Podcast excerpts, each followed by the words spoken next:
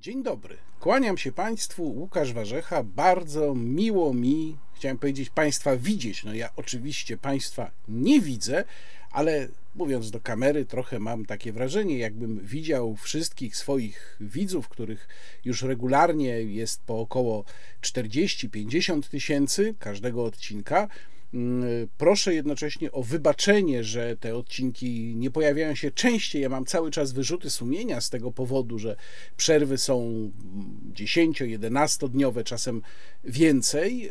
No ale proszę mnie zrozumieć, y, wyprodukowanie jednego odcinka to naprawdę jest wiele, wiele godzin pracy. Mam nadzieję zresztą, że zobaczą Państwo to również mm, tym razem i będą mogli docenić. A ja oprócz tego, jak Państwo wiedzą doskonale, y, jeszcze jestem obecny jako piszący publicysta w wielu miejscach. Muszę to wszystko jakoś połączyć. Bardzo Państwu zatem dziękuję za cierpliwość, za to, że Państwo czekają, że Państwo się tą wyrozumiałością okazują. To wiem, bo czytam to w komentarzach. I bardzo przede wszystkim dziękuję wszystkim Państwu, którzy wspierają kanał, no bo bez tego on by właściwie nie mógł funkcjonować. E, dziękuję tym, którzy wspierają go za pośrednictwem mechanizmu YouTube, e, mechanizm dostępny przez przycisk Wesprzyj, tu bezpośrednio pod filmem. A także dziękuję tym, którzy również bardzo hojnie wspierają kanał na portalu zrzutka.pl. Link do wsparcia e, w opisie filmu. Mm, na zrzutce namawiam do wsparcia cyklicznego, ale można także wspierać jednorazowo. Wszystkim Państwu bardzo dziękuję i od razu zapraszam na spotkanie. Wiem, że wyprzedzenie jest małe, ja umieściłem to zaproszenie w innych swoich mediach społecznościowych, no ale tutaj również o tym mówię. Wciąż mają Państwo szansę dotrzeć w Krakowie w sobotę, czyli 4 e, czerwca, czyli pewnie w dniu, kiedy się ukazuje ten wideoblog, bo podejrzewam, że on będzie gotowy dopiero prawdopodobnie na sobotę o godzinie 16 przy rynku głównym w siedzibie klubu Jagiellońskiego w Krakowie na zaproszenie znakomitego e, vlogera Tomasza Samołyka, którego pewnie wielu z Państwa kojarzy. Będę opowiadał, no, jak e, pan Tomasz zapowiedział w rozmowie ze mną o sprawach mniej politycznych, ale mogą Państwo przyjść i mogą Państwo również zadawać pytania właśnie na temat spraw politycznych, więc bardzo się na to spotkanie cieszę, zachęcam i zapraszam. I jeszcze jedno wyjaśnienie dotyczące tego, co ma się wydarzyć w sobotę, e, poza oczywiście spotkaniem w Krakowie, e, czyli kwestia mm, e, przedstawienia przez PiS nowych propozycji, które prawdopodobnie będą wychodziły jakoś naprzeciw tym trudnościom, z którymi PiS się bardzo ostatnio zmaga. Mam na myśli przede wszystkim mocne obciążenie e, Polaków kosztami inflacji pod wszelkimi względami i kosztami wojny również, ale mm, postanowiłem nie czekać bo mm, na, na to wydarzenie, żeby włączyć je do wideoblogu, bo wtedy wideoblog opóźniłby się jeszcze o kolejne kilka dni. Pytanie brzmi, czy naprawdę będzie o czym mówić. No zobaczymy. W każdym razie, jeżeli tylko będzie o czym mówić, to się znajdzie podsumowanie również tego wydarzenia w kolejnym wideoblogu. A teraz zaczynamy i tu wprowadzam temat, który zajmie z pewnością no przynajmniej połowę tego odcinka, y, złożony Mm, trochę nowy, trochę nie, czyli temat Krajowego Planu Odbudowy i uczestnictwa w ogóle w funduszu odbudowy, a ten temat jest wielowarstwowy. Mm, postarałem się zgłębić go dla Państwa najbardziej jak się da. Mam nadzieję, że na większość pytań z tym związanych Państwo znajdą w tym filmie odpowiedź i również być może uda mi się w przypadku niektórych z Państwa, może tych z Państwa, którzy się tak aż bardzo tą sprawą nie interesowali, uda mi się też wyjaśnić, gdzie tutaj nastąpiło oszustwo, gdzie byliśmy mamieni propagandą w sprawie Krajowego Planu Odbudowy. Odsyłam na początku do tekstu, który napisałem na portalu onet.pl, a który właśnie mówi o przyjęciu Krajowego Planu Odbudowy, o zaakceptowaniu Krajowego Planu Odbudowy e, przez Komisję Europejską mm, i dokładnie o tak zwanych kamieniach milowych. Bardzo y, nieładny anglicyzm, no bo to jest od słowa milestones, które jest używane w tych dokumentach. Ja myślę, że po polsku powinno się mówić o warunkach, bo te milestones to są pewne warunki, które muszą być spełnione po to, żeby uzyskać e, określoną wypłatę z funduszu odbudowy. Ale o tym za chwilę. Link do tekstu na Onecie umieszczam jak zwykle w opisie filmu. I chciałbym zacząć od pokazania, gdzie mieliśmy do czynienia z pewnego rodzaju oszustwem w sprawie funduszu odbudowy. A więc y, pierwsza kwestia. Jak Fundusz Odbudowy, jak w ogóle KPO było przedstawiane i to co ciekawe, proszę zauważyć, zgodnie i przez rządzących, i przez opozycję. Mianowicie jako wielkie pieniądze, które dostajemy z Unii Europejskiej i gdzie bitwa przede wszystkim toczy się o kwestie praworządności. To miały być te Znów użyję tego słowa, no ale większość z Państwa właśnie tak to pewnie kojarzy, bo tak to niestety w publicystyce i w, w komentarzach i w informacjach występuje. Te kamienie milowe miały występować właśnie jeśli chodzi o mm, Sąd Najwyższy. I to jest w gruncie rzeczy jeden wielki mit.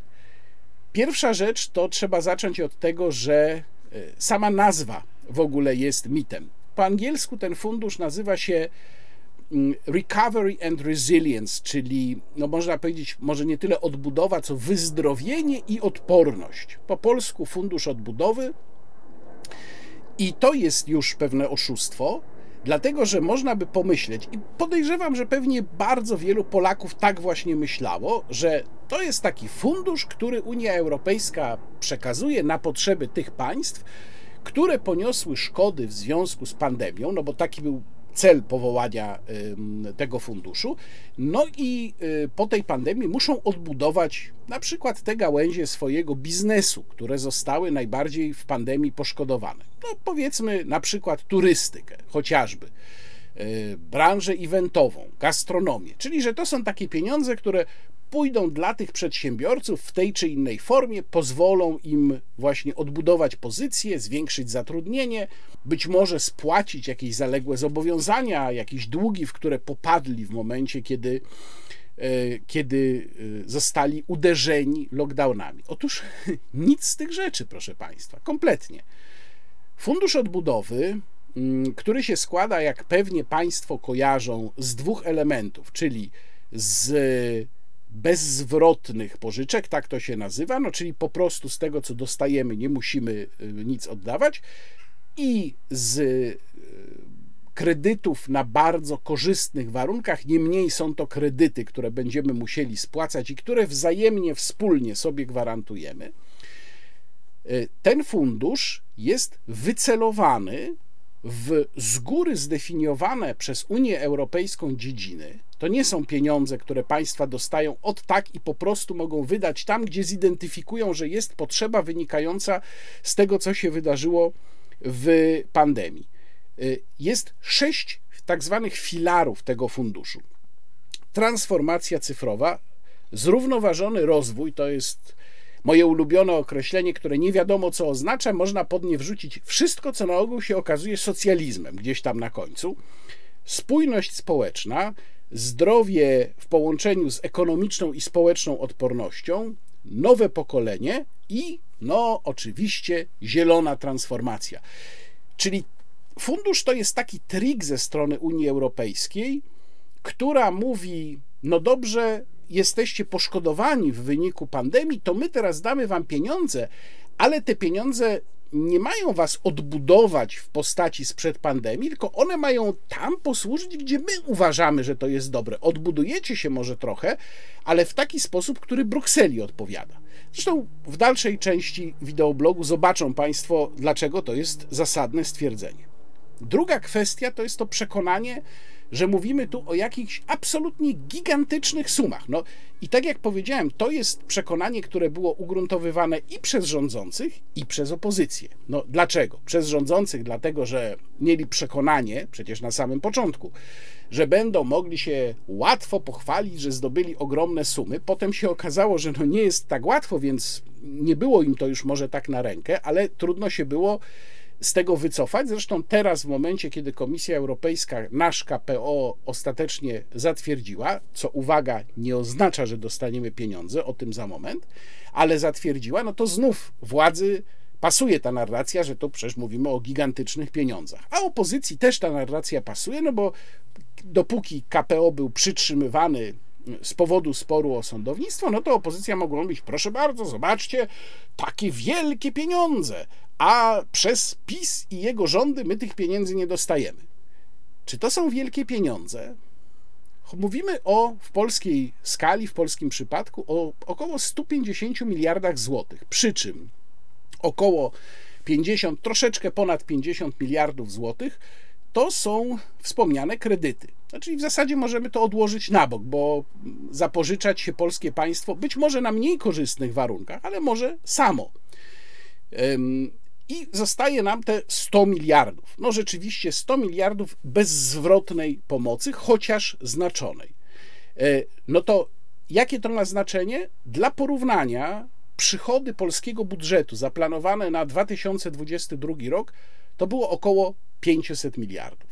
Czyli my tutaj mówimy o sumie wielkości mniej więcej 1 piątej rocznych przychodów polskiego budżetu. Czy to jest mało? Nie, to nie jest mało. To jest, zwłaszcza w sytuacji, w której Polska się znajduje w tej chwili, bardzo trudnej sytuacji również finansowej, to są znaczące pieniądze. Nikt nie powie, że nie. Ale czy to są pieniądze decydujące o przetrwaniu? Oczywiście też nie. Więc y, nie mówimy tutaj o sumach, od których by zależała przyszłość Polski. To jest kolejny mit tworzony wokół Funduszu Odbudowy. Skoro mówimy o Funduszu Odbudowy i o czwartkowej wizycie pani przewodniczącej Komisji Europejskiej, pani Ursuli von der Leyen w Polsce, no to musimy powiedzieć o samej reformie sądownictwa, o tym, co było podstawowym punktem, wokół którego toczył się spór pomiędzy polskim rządem a e, Komisją Europejską. Tylko uwaga, ja nie zamierzam tutaj wchodzić w szczegóły. Powiem Państwu o tym, co przede wszystkim zostało ustalone, ale nie zamierzam wchodzić w szczegóły. Dlaczego? Wyjaśnię za chwilę.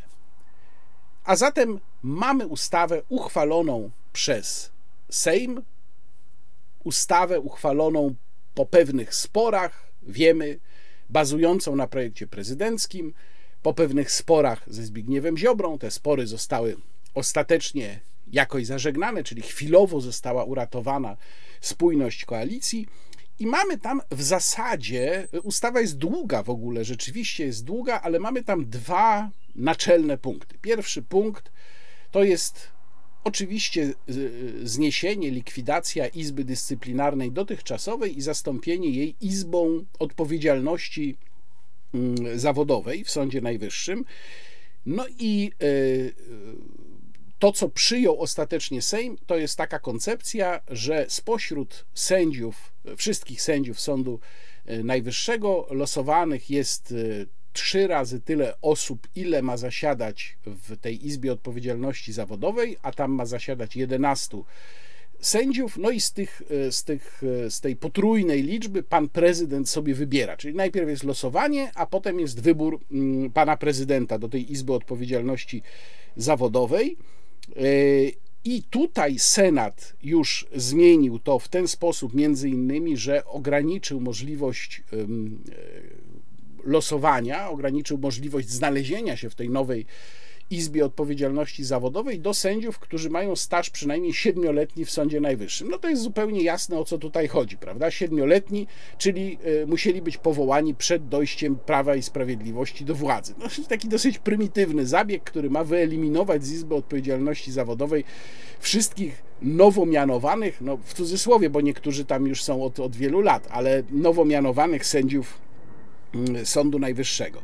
Senat tam wprowadził jeszcze dosyć moim zdaniem z prawnego punktu widzenia kuriozalną regulację, która ustawowo uznaje za niebyłe wszystkie orzeczenia Izby Dyscyplinarnej dotychczasowej. No, ciekaw jestem, jak co na to prawnicy, bo to jest jakaś w ogóle bardzo dziwna konstrukcja prawna. E, no i wreszcie mm, test niezawisłości i bezstronności. To jest to, co wymyślił pan prezydent, i ten test niezawisłości i bezstronności, który jest też jakąś moim zdaniem dziwną konstrukcją mm, prawną, w tej wersji, którą przesłał Sejm do Senatu, która została przez Sejm uchwalona, e, jest tam taki zapis w ustawie, że sposób powołania sędziego nie może być wyłączną przesłanką do przeprowadzenia tego testu. Czyli to oznacza, że nie można y, takiego testu, y, takim, takiemu testowi poddać sędziego tylko dlatego, że jest sędzią powołanym z opinią, jak to mówią przeciwnicy obecnej władzy, neo-KRS wyłącznie. Jeżeli do tego dochodzą inne czynniki, które mogą wskazywać na to, że sędzia jest nieobiektywny, czy jest jakiś problem z jego niezawisłością, no to wtedy tak. Tam jeszcze była kwestia tego, czy mm, może to dotyczyć spraw już zamkniętych, czy nie. Warto natomiast odnotować, że Senat w swoich poprawkach skreślił to zastrzeżenie, czyli y, po, po poprawkach Senatu wersja jest taka, że właśnie sam sposób powołania sędziego przy opinii tak zwanej neo-KRS może być już podstawą do przeprowadzenia mm, y, testu niezawisłości i bezstronności. Ja nie będę w to głębiej wchodził i teraz wyjaśnię dlaczego. Ponieważ dawno już nikt tutaj nie mówi o dobru wymiaru sprawiedliwości, czy przede wszystkim to powinno być główne kryterium o dobru klientów wymiaru sprawiedliwości to już dawno jest kwestia nieistotna. Tutaj już wyłącznie chodzi o rozgrywkę pomiędzy opozycją, Zbigniewem Ziobrą, ośrodkiem prezydenckim, PiSem i Komisją Europejską. A jak to w praktyce będzie działało? Czy to ma sens? Czy to się będzie spinać? To już nikogo nie interesuje. Natomiast z punktu widzenia zwykłego obywatela, który może, którego sprawa może trafić w jakichś okolicznościach do Sądu Najwyższego, czy do, do któregokolwiek sądu, tak naprawdę. E, istotne jest to, żeby wymiar sprawiedliwości był efektywny, a także, żeby sędziowie byli poddawani kontroli dyscyplinarnej, która no, nie będzie zależna politycznie, tego nikt nie chce, ale też nie będzie wsobną kontrolą czyli kontrolą wewnątrz samego środowiska, bo to też się nie sprawdza.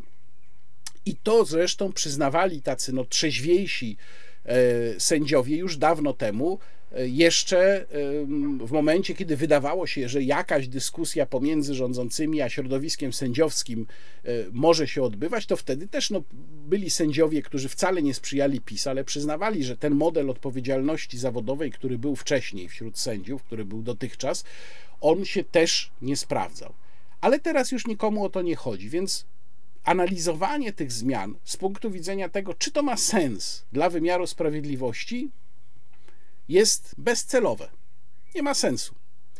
Może nas tylko interesować, czy zmiany, które zostały wprowadzone i które e, ewentualnie wprowadził Senat, zostaną uznane za wystarczające przez Komisję Europejską. Tutaj też trzeba pamiętać, że poprawek Senatu nie odrzuca się w Sejmie zwykłą większością. Przedstawiciele Prawa i Sprawiedliwości, innymi pan minister rozwoju Waldemar Buda, który na ten temat był pytany w ostatnich dniach kilkakrotnie, a będzie też występował jeszcze w tym odcinku wideoblogu, mówił, że te poprawki nie trzymają się kupy i one oczywiście zostaną odrzucone w Sejmie. No, zostaną albo i nie zostaną. E, przypominam, że poprawki Senatu Sejm odrzuca bezwzględną większością głosów. Bezwzględną, czyli głosów za odrzuceniem musi być więcej niż w sumie głosów wstrzymujących się i przeciwnych. No i tutaj już pewne niespodzianki ewentualnie są możliwe, ale zobaczymy. Natomiast kolejna niespodzianka jest możliwa, jeżeli się okaże, że w Komisji Europejskiej nie ma zgody co do tego, że to jest wypełnienie kamienia milowego, bo jedna rzecz to jest zatwierdzenie KPO, to się dokonało, a druga rzecz to jest stwierdzenie, czy został dany, e, czy zostało dane kryterium, dany warunek, czy został spełniony. To są dwie odrębne rzeczy. Zatwierdzenie KPO, tak, to zrobiono, ale uznanie, że zostały spełnione określone warunki w KPO, to już jest inna sprawa.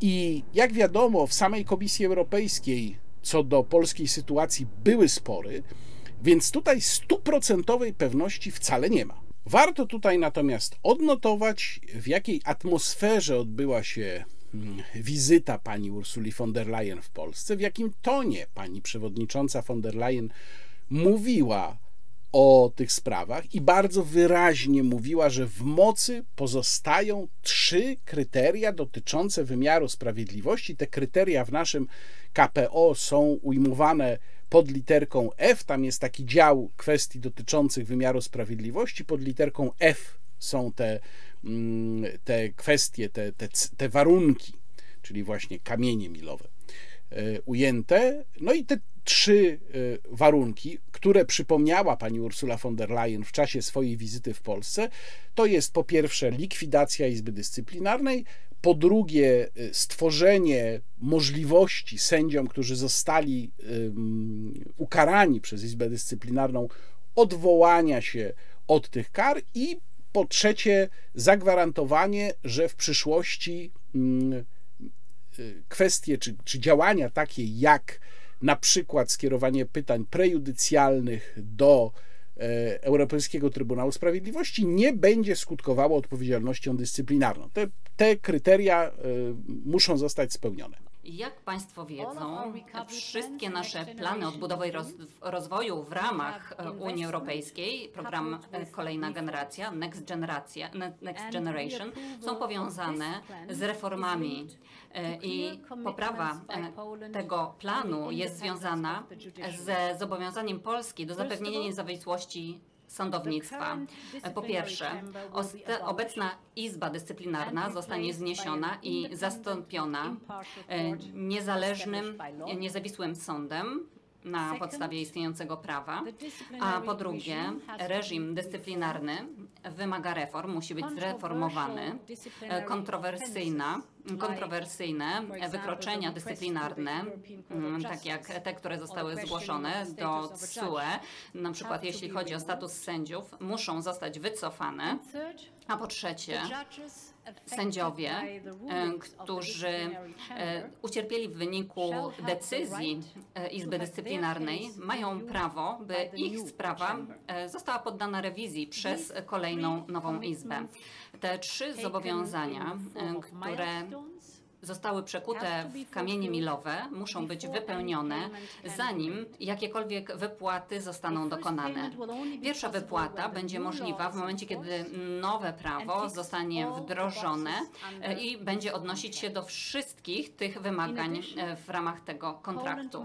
Dodatkowo Polska musi do końca 2023 roku wykazać, że e, wszyscy niezgodnie z prawem zwolnieni sędziowie do tej pory zostaną przywróceni na swoje stanowisko. Kiedy to zostanie zrealizowane, będzie to oznaczać postęp. E, no i tutaj tak buńczucznie też odpowiadał pan premier Morawiecki, pani Ursuli von der Leyen i teraz... Wszyscy Państwo, drodzy rodacy, możecie sobie wyobrazić, że w ferworze walki politycznej jedna strona, oponenci przedstawia wszystko w innych barwach i tak się stało z naszą szanowną opozycją, że potrafili przekonać niektórych urzędników w Brukseli, że dochodzi tutaj do łamania praworządności.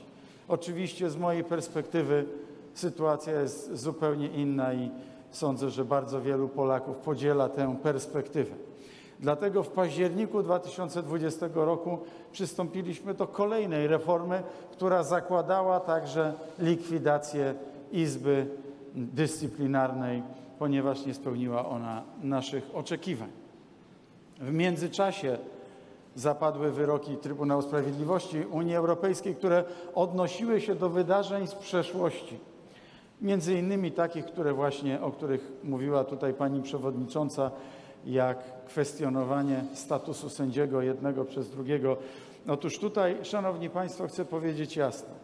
My na pewno nie, nie dopuścimy do anarchii w systemie wymiaru sprawiedliwości, ponieważ do suwerennej decyzji każdego państwa członkowskiego należy właśnie to, aby system działał jak najlepiej. A w naszym interesie jest to, aby wszyscy sędziowie byli maksymalnie niezależni, niezawiśli, bezstronni i ta reforma, te uzgodnienia w ramach Krajowego Programu Odbudowy właśnie do tego również dotyczą. Teraz jest pytanie, czy ta buńczuczność to była na pokaz dla polskich wyborców? No pewnie tak, bo na ogół to, co pan premier wygaduje, to właśnie jest skierowane przede wszystkim nie do rozmówcy, który tam gdzieś jest, tylko właśnie do polskich wyborców. Czyli to takie pokazanie, że my tutaj no, żadnego dyktatu Brukseli nie akceptujemy, prawda? No ale fakty mówią co innego i zresztą fakty dotyczące w ogóle KPO mówią co innego, o czym za chwilę Państwu opowiem. Bo jeżeli zostawimy na boku kwestie sądownictwa i weźmiemy cały dokument, cały polski KPO, to się bardzo zdziwimy. Jak wyglądały negocjacje Krajowego Planu Odbudowy, tego oczywiście nie wiemy, bo wszystko odbywało się w tajemnicy. Natomiast z formalnego, technicznego punktu widzenia sprawa miała się tak, że było te, było te sześć filarów, w których Komisja Europejska operowała i na które miały popłynąć pieniądze. I w pewnych sprawach Komisja Europejska miała swoje priorytety, w innych sprawach państwo członkowskie, czyli Polska w tym wypadku, mogło proponować jakieś swoje rozwiązania. I teraz problem polega na tym, że myśmy dostali 1 czerwca KPO do wglądu, bo to jest dokument datowany na 1 czerwca, i nagle się okazało, że dostajemy dokument, który ma 239 stron, zawiera blisko 300 takich kryteriów pogrupowanych w tabelkach, i to jest e, właśnie to są te warunki, czyli to, co jest nazywane kamieniami milowymi, i cele. Po angielsku targets, czyli to, co ma być osiągnięte za sprawą pieniędzy unijnych. I to są, proszę Państwa, sprawy, które bardzo głęboko ingerują w różne dziedziny naszego życia. Bardzo głęboko, zaraz będę Państwu podawał przykłady. Problem polega na tym, że polscy obywatele w ogóle nie mieli świadomości, co jest negocjowane. W ogóle o tym nie wiedzieli. Były y, negocjowane sprawy, które mogą dotyczyć codziennego życia każdego z nas, i my nagle dostajemy ten dokument 1 czerwca i rząd nam mówi, proszę bardzo, to jest w KPO. Dziękujemy, no musimy, prawda, teraz realizować. Nie było na ten temat żadnej dyskusji. Nie było na ten temat żadnych konsultacji. Nagle się okazuje, że rząd PiS prezentuje nam fakty dokonane i to jeszcze w dodatku prezentuje je w taki sposób, w jaki zarzekał się, że nigdy prezentowane nie będą bo przecież jednym z podstawowych kryteriów, które miały charakteryzować rządy PiS, było to, że my się żadnemu dyktatowi nie poddamy. A tutaj po prostu dostajemy to w KPO i mamy robić. To znaczy, my nie wiemy na 100%, czy co tutaj było pomysłem Unii Europejskiej, a co nie, możemy tylko domniemywać, a co zostało wrzucone przez polski rząd. Ale o tym za chwilę też jeszcze będę mówił. Ważne jest, żeby zdawać sobie sprawę, jak bardzo drobiazgowe zmiany czy drobiazgowe rozwiązania są zawarte w KPO. Każdy kraj negocjował swój KPO, więc każdy KPO jest indywidualny i dotyczy konkretnego państwa, natomiast pewne rozwiązania, pewne kwestie mogą się powtarzać, o tym też za chwilę Państwu powiem. Jeżeli chcą Państwo zobaczyć, jak to wygląda, dokument jest po angielsku, to y, umieszczam link do polskiego, właśnie tego zatwierdzonego KPO w opisie filmu. Proszę poszukać sobie, zwłaszcza w tabelkach, nie w tych opisach, tylko w tabelkach, proszę sobie poszukać i zobaczyć, że poziom szczegółowości niektórych rozwiązań, niektórych warunków lub celów do osiągnięcia jest tak głęboki, że nawet tam są wymienione w pewnym miejscu konkretne nazwy konkretnych zakładów, konkretne akty prawne, mm, konkretne lokalizacje, gdzie coś się ma wydarzyć. I my o tym nic nie wiedzieliśmy. Znaczy, te negocjacje się odbywały gdzieś w tajemnicy, bez absolutnie żadnej informacji dla opinii publicznej. I my teraz jesteśmy stawiani przed faktami dokonanymi. Dlatego oceniam, że jest to jeden z największych skandali, do jakich doprowadziło Prawo i Sprawiedliwość w czasie swoich rządów. I teraz chciałbym Państwu przeczytać yy, o kilku takich warunkach, właśnie, które znalazły się w tym dokumencie. I od razu mówię, tam na pewno jest tego dużo więcej. Tam na pewno są poukrywane jeszcze, jak się przeanalizuje te mm, opisy, to są poukrywane jeszcze kolejne niespodzianki, których ja nie znalazłem, bo no, przejrzenie w jakimś rozsądnym czasie dokumentu, który ma prawie 240 stron, rozumieją Państwo, że to zajmuje czas.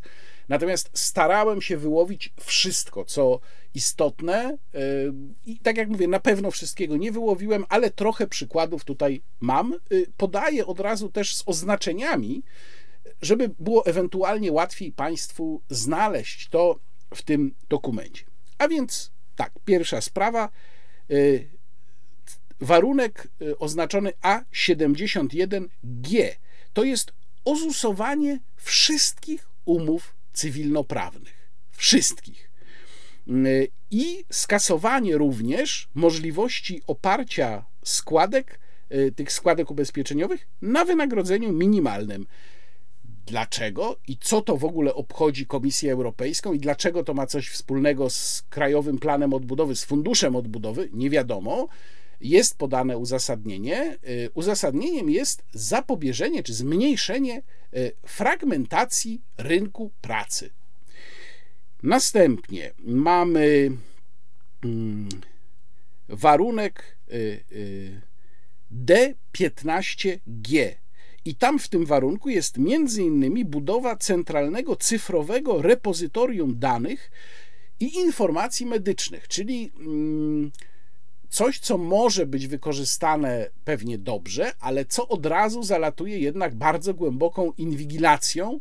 I tutaj ostrzegam od razu, że polski rząd może wykorzystywać i pewnie będzie wykorzystywał, już to się zresztą zaczęło, Krajowy Plan Odbudowy jako usprawiedliwienie dla niektórych swoich działań, których polscy obywatele być może nie chcieliby akceptować, ale ponieważ to jest w KPO, no to musimy, prawda? Nie będzie tak pokazywane, no ale to jest w KPO, musimy zrobić. Dalej. E, teraz przechodzę do tych spraw, które były najgłośniej omawiane, a które dotyczą transportu, zielonego transportu, prawda? E1G w miastach powyżej 100 tysięcy obowiązkowo ma być mm, kupno, obowiązkowe ma być kupno tylko nisko i zeroemisyjnych autobusów i to rozwiązanie ma zostać wprowadzone do czwartego kwartału tego roku.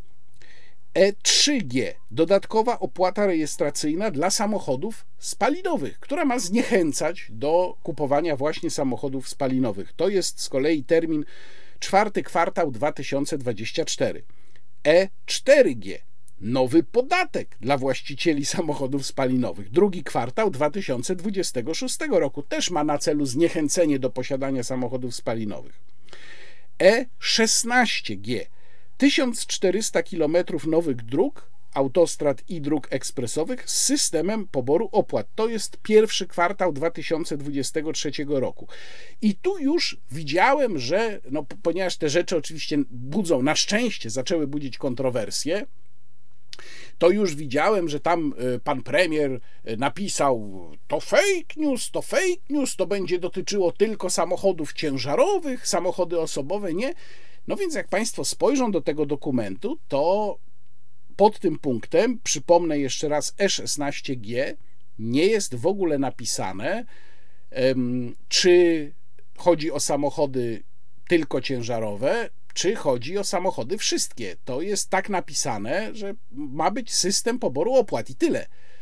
A y, o które tu samochody chodzi, nie jest napisane, więc może być taka sytuacja, że polskie rozwiązanie, jeżeli my, no dokładnie tak jak z Sądem Najwyższym, prawda, że my zaproponujemy takie rozwiązanie, z którego są wyłączone samochody osobowe, a Komisja Europejska powie, sorry, ale nam chodziło o wszystkie samochody, y, warunek nie został spełniony, musicie albo spełnić warunek, albo kasy nie będzie. Wreszcie mamy warunki E1L i E2L, i to są obowiązkowe strefy niskoemisyjnego transportu w miastach powyżej 100 tysięcy mieszkańców, gdzie będą przekroczone normy zanieczyszczeń. To przekroczenie norm zanieczyszczeń ma stwierdzać odpowiedni państwowy mm, organ, natomiast nieważne z jakiego powodu te normy będą przekroczone, może to być na przykład kwestia tego, że nie wiem, tak jak to bywa w Krakowie, w okolicznych miejscowościach ludzie palą w piecach czym popadnie i będą pewnie palić jeszcze bardziej w najbliższym sezonie grzewczym czym popadnie, bo przecież tak nas ustawił właśnie rząd pisowski. Y, I w związku z tym tam się smog y, w tej dolinie gromadzi, okrywając Kraków, ale z tego wyniknie, że Kraków będzie musiał mieć taką strefę. Kraków i tak już postanowił, że, że ją będzie miał. Więc to jest jakby tutaj y, inna sprawa. Ale może być taka sytuacja, czyli niezależnie od przyczyny, dla której takie, takie zanieczyszczenia się w danym mieście pojawią, i tak będzie tam musiała być ustanowiona strefa niskoemisyjnego transportu, a przypominam, że ustawa o elektromobilności niestety dała samorządom takie prawo, i tutaj y, rząd, y, PiS się rzecz jasna tłumaczył, że przecież on niczego nie nakazuje, on tylko stwarza możliwość. Ale właśnie stworzyła możliwość, nie nakazywała. Natomiast tutaj już mamy w, przy, w pewnych warunkach, przy spełnieniu pewnych warunków, już mamy obowiązek ustanowienia takiej strefy. W kwestiach kulturalnych to są warunki do spełnienia oznaczone literką A wszystko musi być zgodne z zasadami równości genderowej i niedyskryminacji, przy czym podkreślone jest, że chodzi tutaj o takie rozumienie, jakie obowiązuje w Unii Europejskiej. No to też jest bardzo ciekawe, jak tutaj będzie ze spełnieniem tych warunków. Ja też nie mówię, że wszystkie te warunki, które tam są zawarte, są złe, bo powiedziałbym nieuczciwie. Są takie, które można uznać za całkiem ciekawe albo takie, które mogą przynieść dobre efekty. Na przykład y, pierwszy y, kwartał 2023 roku to y, jest wprowadzenie wymogu takiego planowania przestrzennego, żeby wymusić na deweloperach budowę odpowiedniej infrastruktury przy okazji budowy budynków, budynków mieszkalnych. No, no tu się akurat można zgodzić i pewnie więcej tego typu warunków jest. Pytanie brzmi, dlaczego o tym zadecydowano gdzieś w ukryciu? Y, no i wreszcie wspominałem, że jest w tym dokumencie bardzo dużo bardzo szczegółowych ustaleń. Tutaj kilka takich mm, przykładów y, mm, przedstawiam. Na przykład kwestie ulg podatkowych związanych z robotyzacją, warunek A27G, zmiany w prawie oświatowym A24G, a53G, A54G to wymuszanie wprowadzenia jednolitej umowy na pracę. To też jest taka ciekawostka. Y, to nie jest tak, że KPO mówi, że musi być wprowadzona ta jednolita umowa o pracę, ale mówi o tym, że muszą być przeprowadzone konsultacje dotyczące tego, w wyniku których ma być obrany taki kierunek wynikający z konsultacji, ale kierunek na jednolitą umowę o pracę. No, Przecież to są rzeczy, które powinny być absolutnie wyłącznie w gestii państwa członkowskiego. To są rzeczy, które są kwestią suwerenności, to jak my sobie organizujemy rynek pracy. A tutaj mamy to jako warunek, no owszem, nie wprowadzenie tej umowy, ale zmierzanie w tym kierunku, mamy to jako warunek wypłaty pieniędzy. I tutaj mogą Państwo zapytać, czy w innych krajach warunki były podobne. Prostej odpowiedzi tutaj nie ma, bo rzecz jasna, trzeba by znaleźć i dokładnie przejrzeć wszystkie dostarczone do Komisji Europejskiej krajowe plany odbudowy. Z tym nie jest tak łatwo. Jest strona, mm, taka podstrona Komisji Europejskiej poświęcona specjalnie Funduszowi Odbudowy, natomiast te dokumenty, które tam są prezentowane, są raczej ogólne, yy, czyli to są tylko takie omówienia, a nie rozbicie sprawy na szczegóły. Dlatego bardzo dziękuję Kamilowi Całusowi z Ośrodka Studiów Wschodnich, który zajmuje się Europą Środkową, między innymi Rumunią, i pomógł mi znaleźć taki plan odbudowy szczegółowy już dla Rumunii, która chyba jest dobrym punktem odniesienia. E, okazało się, że można go było znaleźć, ale na stronach rumuńskiego rządu, więc pewnie tam by trzeba szukać. No i rzeczywiście wydaje się, że pewne elementy tego, co od nas się, czego od nas się oczekuje, są również w innych krajowych planach odbudowy, jeżeli właśnie uznać ten rumuński plan za mm, mm, będący punktem odniesienia, bo chociażby kwestia podatków nakładanych na samochody emitujące spaliny, czyli na samochody spalinowe, po prostu tam także się pojawia. E, to jest dokładnie numer 59 na tej rumuńskiej liście. Jak to wygląda w przypadku krajowych planów odbudowy państw na zachodzie? No pewnie tam, gdzie te kwestie zielonej transformacji są bardziej zaawansowane, to prawdopodobnie takich wymogów nie ma, albo, albo one są ograniczone. W każdym razie, z punktu widzenia przeciętnego Polaka, ale także wyborcy Prawa i Sprawiedliwości, te e, rzeczy, zwłaszcza te rzeczy dotyczące tradycyjnej motoryzacji, przemycone w KPO, bo to trudno inaczej nazwać, no są jakimś horrorem, bo my tu mówimy o ludziach, dla których często e, samochód, nie nowy samochód, tylko właśnie na przykład jakiś starszy diesel, jest jedynym sposobem na wykluczenie komunikacyjne. Mm, I to uderza w elektorat Prawa i Sprawiedliwości. No więc, y, kiedy zaczęły te rzeczy wychodzić, a myślę, że zaczęły wychodzić mimo y, chęci PiS, to znaczy ja sądzę, że po prostu Prawo i Sprawiedliwość chciało te sprawy ukryć. Miało nadzieję, że to nikt się temu nie zacznie przyglądać, bo to jest długi dokument, bo to jest długa tabela, kto, komu by się tam chciało. No ale parę osób zaczęło, w tym ja. Zacząłem wpuszczać te rzeczy na Twittera. Rafał Hirsch również chociażby zaczął je, zaczął je tam pokazywać. No i okazało się, że potem od tego już media głównego nurtu zaczęły to przejmować. No i trzeba się było jakoś do tego odnieść. No i te sposoby odnoszenia się są, że tak powiem, groteskowe bo to chyba trudno inaczej nazwać. Na przykład chciałbym tutaj Państwu pokazać fragmenty rozmowy z panem ministrem Łukaszem Schreiberem, szefem Komitetu Stałego Rady Ministrów, Łukaszem Schreiberem, małżonkiem Marianny Schreiber, nie wiem czy bardziej już nie jest znany właśnie w tej roli e, w, w Radio Plus, gdzie pan minister był pytany o te sprawy.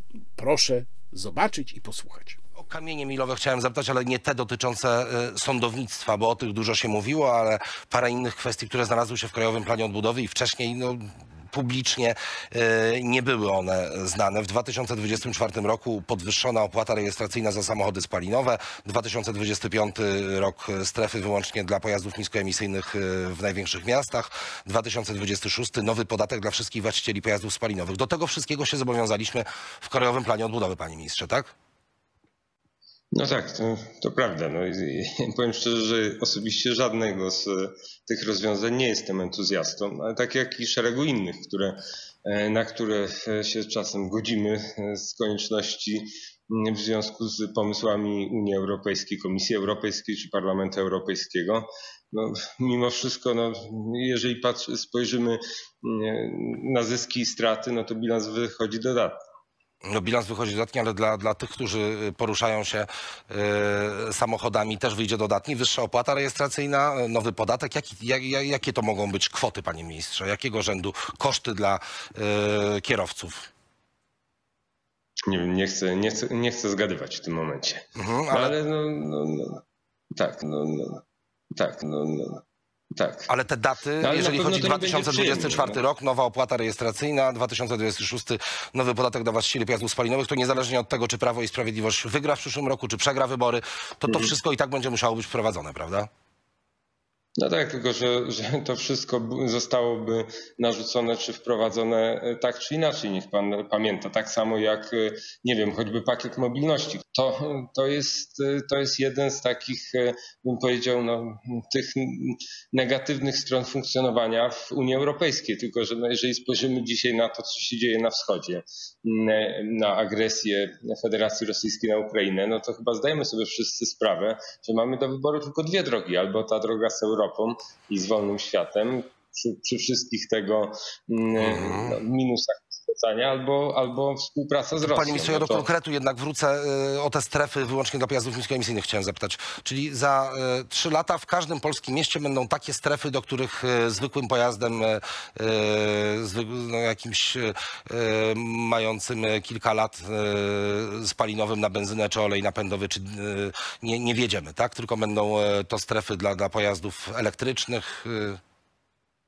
No, no bo, znaczy wie pan, w ogóle no jest, przecież taki trend, by, by śródmieście, śródmieście, czy część przynajmniej śródmieścia wyłączać się z ruchu e, samochodowego, więc... więc no póki co dyskusje są na ten temat.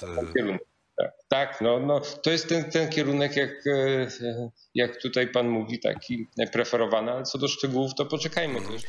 Ja próbuję zrozumieć, co ma na myśli pan minister Schreiber, mówiąc w tej rozmowie, że te sprawy i tak zostałyby nam narzucone. I podaje tutaj jako przykład pakiet mobilności, ale pakiet mobilności, który jest oczywiście niekorzystny dla polskich przewoźników, dotyczy spraw y, no, na poziomie pewnej zgodności pomiędzy krajami Unii, bo dotyczy pracy w innym państwie Unii. Y, pracy kierowcy z danego kraju w innym państwie Unii. Natomiast dlaczego pan Schreiber uważa, że na przykład kwestia opłat za nowe drogi ekspresowe, wprowadzenie opłat y, na nowych drogach ekspresowych miałaby nam zostać narzucona? Przecież to jest ewidentnie y, dziedzina, która należy do suwerenności i do decyzji kraju członkowskiego. Nie widzę tutaj sposobu, jakby to mogło być nam narzucone, chyba że właśnie poprzez szantaż finansowy, poprzez KPO, czyli to, na co rząd Mateusza Morawieckiego się zgodził. No i warto też w tej rozmowie zwrócić uwagę na to, że oczywiście pojawił się tradycyjny argument, czyli albo się godzicie na podatki od samochodów spalinowych, opłaty na autostradach, y, jednolity kontrakt pracowniczy, ozusowanie umów itd., tak itd., tak albo ruskie onuce i Putin tam czeka już na was, czyli współpraca z Rosją, o której tutaj powiedział Łukasz Schreiber. No to jest po prostu już tak kompletnie idiotyczne. No to jest tak idiotyczne mniej więcej jak ten mm, tweet Zbigniewa Gryglasa, który mm, pan poseł Gryglas był uprzejmy skasować, w którym tam pisał, że y, warto tej zimy pomarznąć, bo to jest cena naszej wolności czy tam niepodległości. No, niestety ta argumentacja się będzie pojawiała, aczkolwiek pan poseł y, został skłoniony najprawdopodobniej, żeby ten swój tweet skasować. Oczywiście nic w internecie nie ginie, więc tweet nadal jest tam w postaci zrzutów mm, ekranu.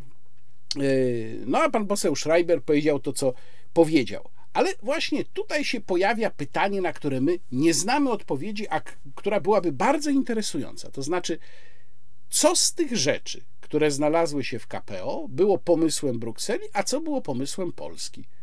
I wydaje mi się, że my mamy prawo oczekiwać odpowiedzi na takie pytanie. Co nam zafundował nasz rząd, a co wymusza na nas szantażem y, finansowym sama Bruksela? Y, próbował takie, taką odpowiedź wydobyć od z kolei pana ministra Waldemara Budy, ministra rozwoju i technologii Bogdan Rymanowski w Polsat News. No, Bogdan Rymanowski, powiem to jeszcze raz, chociaż mówiłem wiele razy, jeden z zdecydowanie najlepszych dziennikarzy dzisiaj w Polsce, który nie daje łatwo za wygraną ze swoimi rozmówcami. Natomiast ta y, rozmowa i próby przekonywania przez pana posła Budę, że w dokumencie nie ma tego, co tam ewidentnie jest, były przekomiczne. Proszę zobaczyć. Ale jest zatwierdzenie, ale kluczem ma być też wykonanie tych kamieli milowych, czyli Komisja Europejska musi ocenić, czy te e, porozumienie zostało wykonane. Nie boi się pan tego, że powie, o przepraszamy, ale nie zrobiliście tego, jak chcieliśmy? No, to nie jest tak, że komisja nam na- ponarzucała mnóstwo rzeczy, a my teraz musimy gonić w piętkę i wszystko wykonywać e, krok po kroku. Przecież większość rzeczy, które tam są, to, to było wspólne uzgodnienie. Większość rzeczy, które tam są, to, to było wspólne uzgodnienie. Większość rzeczy, które tam są, to, to było wspólne uzgodnienie, co chcemy reformować, bo pamiętajmy, że Fundusz Odbudowy to jest fundusz budowania odporności po COVID-zie. W związku z tym resorty zgłaszały różne propozycje, które później były w szczegółach negocjowane z Komisją Europejską. Dobrze, czyli żadna poprawka e, przegłosowana w Senacie, na przykład dotycząca sędziów, e, ona nie przejdzie w Sejmie. Znaczy, Ustawa wróci jakby do pierwotnej wersji? Ja nie mówię, czy każda. Natomiast większość z nich przede wszystkim jest niezgodna z konstytucją, e, jest sprzeczna z porozumieniem, które negocjowaliśmy, więc my chcemy doprowadzić do sytuacji bycia a. zgodnie z konstytucją, dwa. zawrzeć porozumienie. A czy to jest tak, że wszystkie kraje podpisywały takie kamienie milowe? Dokładnie tak. Czyli każdy kraj musi spełnić ileś tam wymogów. W naszym przypadku to jest około 300, żeby te pieniądze popłynęły. Tak, ale to, to nie jest tak, że komisja przysz, 300 warunków postawiła, jak wypełnicie, dostaniecie pieniądze. Przecież te rzeczy, które tam zostaną zapisane, to myśmy proponowali często, rzeczy, które tam zostaną zapisane, to myśmy proponowali często, rzeczy, które tam zostaną zapisane, to myśmy proponowali często. I one były doszczegółowiane. Mówimy, że chcemy zmodernizować system na przykład szkolnictwa w zakresie studentów studiów wyższych medycznych. No i zaproponowaliśmy takie rozwiązanie. I kamienie 2 czy 3 dotyczą takiej, takiej sprawy. Więc to nie jest tak, że ktokolwiek nam tutaj coś narzucał. To zapytam o konkretne e, wymagania. E, Czy również polska strona zaproponowała to, aby właściciele aut spalinowych e, płacili specjalną opłatę? Podatek taki ma być wprowadzony w ciągu dwóch lat, albo też kolejny podatek ma być opłatą za posiadanie samochodu napędzanego benzyną lub olejem napędowym w ciągu czterech lat. To były polskie propozycje, czy to jest element Zielonego Ładu umieszczony w e, KPO? No Przede wszystkim nie ma tam takich zapisów, to znaczy tam się mówi o tym, żeby promować ekologiczne środki transportu. E, I szybciej mm, będzie tak, że my będziemy proponowali obniżki i zachęty do e, kupowania samochodów e, niskoemisyjnych, jak na przykład dzisiaj mamy dopłaty do samochodów elektrycznych, niż kogokolwiek kara, karali za spalinowe Pan samochody. nazywa to zachętą, ale ludzie to odczują jako podatek nałożony nikogo na nie, nich. nikomu nie będziemy podwyższać dzisiejszych opłat. Możemy komuś obniżyć, jak ma e, niskoemisyjny pojazd. Więc jeżeli kupi samochód hybrydowy, elektryczny, może płacić mniej, ale na pewno nikomu nie podwyższymy. Czyli to będzie tak, że e, To będzie zachęta. zachęta, która będzie zniechęceniem wobec y, samochodów spalinowych. To będzie zachęta, żeby kupować e, samochody, które e, emitują e, e, mało CO2. Mówimy właśnie o, o elektrycznych, hybrydowych i tak dalej. Natomiast na pewno nic się nie zmieni w zakresie pozostałych pojazdów. A czy to nie będzie tak, że te opłaty mogą doprowadzić no jednak do poważnego zubożenia Polaków? Ale nie będzie żadnych nowych opłat. Więc jeżeli dzisiaj mamy e, jakieś opłaty, to one zostaną utrzymane. Żadnych innych nie będzie. Więc takim ułożeniu mówimy. No ale to, to, to jak pan wyjaśni to, to, co zostało włożone w KPO? Jak to nazwać? No to, że z niektórych elementów będą e, zwolnione samochody, które e, są niskoemisyjne. Dzisiaj mamy buspasy. Nie zabrania się innym samochodom jeździć po ulicach, ale e, buspasem może jechać samochód elektryczny. To jest jego przywilej. Czyli wszyscy ci, którzy się obawiają, że będzie gorzej za kilka lat, się mylą i, i są strachy na lachy, tak? Oczywiście, że tak. Nie ma takiego rozwiązania. Na pewno my takich nie będziemy wprowadzać. To co z y, wprowadzeniem systemu opłat za korzystanie nie tylko ze wszystkich nowych aut- autostrad, ale także dróg ekspresowych? Bo to też wchodzi. Koszta, konowny, e, znaczy ponowny fake news. Dzisiaj te, e, to rozwiązanie dotyczy tylko samochodów ciężarowych, które już dzisiaj są w tym systemie płatności za drogi ekspresowe. Ta reforma tylko polega na tym, że dzisiaj tylko część dróg ekspresowych e, starych jest objęta tym systemem płatności, a nie e, e, kilkanaście dróg nowych, które zostały wybudowane. I to może dotyczyć tylko samochodów ciężarowych, nigdy samochodów osobowych. Czyli absolutnie te 300 wymogów, które Polska podpisała w tym porozumieniu, nie wpłynie na, y, nie wiem, status życia Polaków.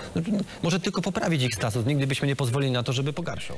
No i tutaj jest pytanie, czy pan Buda po prostu skłamał świadomie, mówiąc, że nie ma w KPO zapisów, które tam ewidentnie są, a które pokazałem państwu w momencie, kiedy pan minister to mówił, pokazałem je państwu na ekranie, czy on po prostu nie wie, co tam jest. Nie wiem, która wersja jest y, gorsza. Natomiast warto zwrócić uwagę na to, że pan Buda kilkakrotnie w czasie tej rozmowy powtarza tę frazę, że to nie są wyłącznie pomysły Brukseli, że duża część z tego to są nasze pomysły. No to, panie ministrze Buda, proszę się pochwalić, które są wasze. Wydaje mi się, że mogę mówić w imieniu jakiejś grupy obywateli, być może dużej części widzów mojego kanału, i y, mogę zadać to pytanie, które zostały wrzucone do KPO przez polski rząd, który w ten sposób chce zepchnąć winę za pewne rozwiązania na Unię Europejską. Jestem przekonany, że będziemy mieli do czynienia w pewnych sprawach z taką narracją w najbliższym czasie i będzie wskazywanie na KPO. O to właśnie przez KPO musimy e, to i to zrobić, a nie dlatego, że sami chcemy. No i to wszystko się dzieje, proszę Państwa, w bardzo konkretnym kontekście e, gospodarczym, niestety coraz gorszym. Jeżeli chodzi o ceny benzyny, to muszę powiedzieć, że dzisiaj widziałem, już specjalnie się przyglądałem, że rzeczywiście na niektórych pylonach, nie tylko stacji Orlenu, e, ewidentnie doinstalowano dodatkowy, dodatkowe okienko na wyświetlaczach, czyli już jest przygotowanie na e, benzynkę po minimum 10 zł. I nikt właściwie nie potrafi do końca wyjaśnić, dlaczego benzyna w Polsce tak błyskawicznie i w takim tempie podrożała. Przypomnę, że to jest tempo, e, kiedy czasem cena rośnie z godziny na godzinę. Ja już miałem takie przypadki, że jechałem w stronę miasta, benzyna kosztowała X, a jak wracałem, to już X plus Y.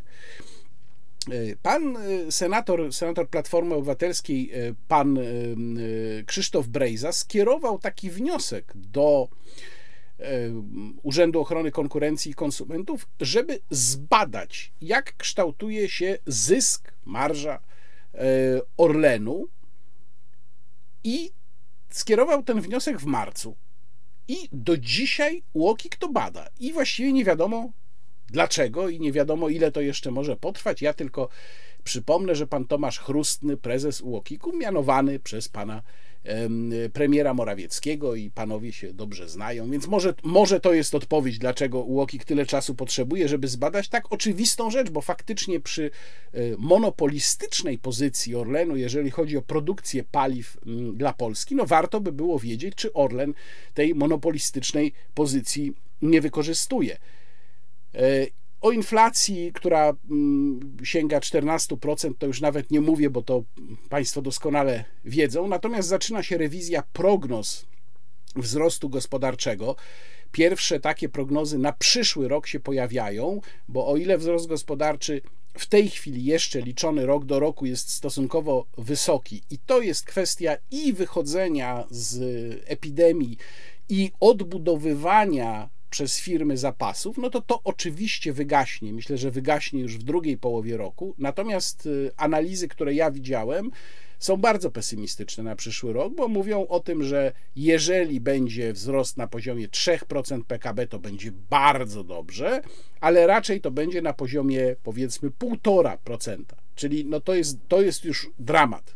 To już właściwie mamy stagnację gospodarczą. A stagnacja gospodarcza w połączeniu z inflacją daje nam, tak jest, stagflację, czyli najgorsze możliwe zjawisko ekonomiczne. No i warto tu jeszcze odnotować, że o pewnych rzeczach już można mówić. Na przykład Konrad Piasecki podzielił się listem y, swoich, swoich widzów, którzy narzekają na to, że nie mogą kupić węgla, a węgiel, jeżeli mogą go kupić, to jest bardzo drogi. No, y, drogi Konradzie, zwracam, zwracam się do Konrada Piaseckiego. Jakbyś yy, czytał moje tweety, a wiem, że czytasz, to ja o tym pisałem już tygodnie temu, kiedy Polska wprowadziła przedwcześnie embargo na węgiel, i ja wtedy pisałem, że obudzimy się z ręką w nocniku i że dla indywidualnych konsumentów węgla zabraknie.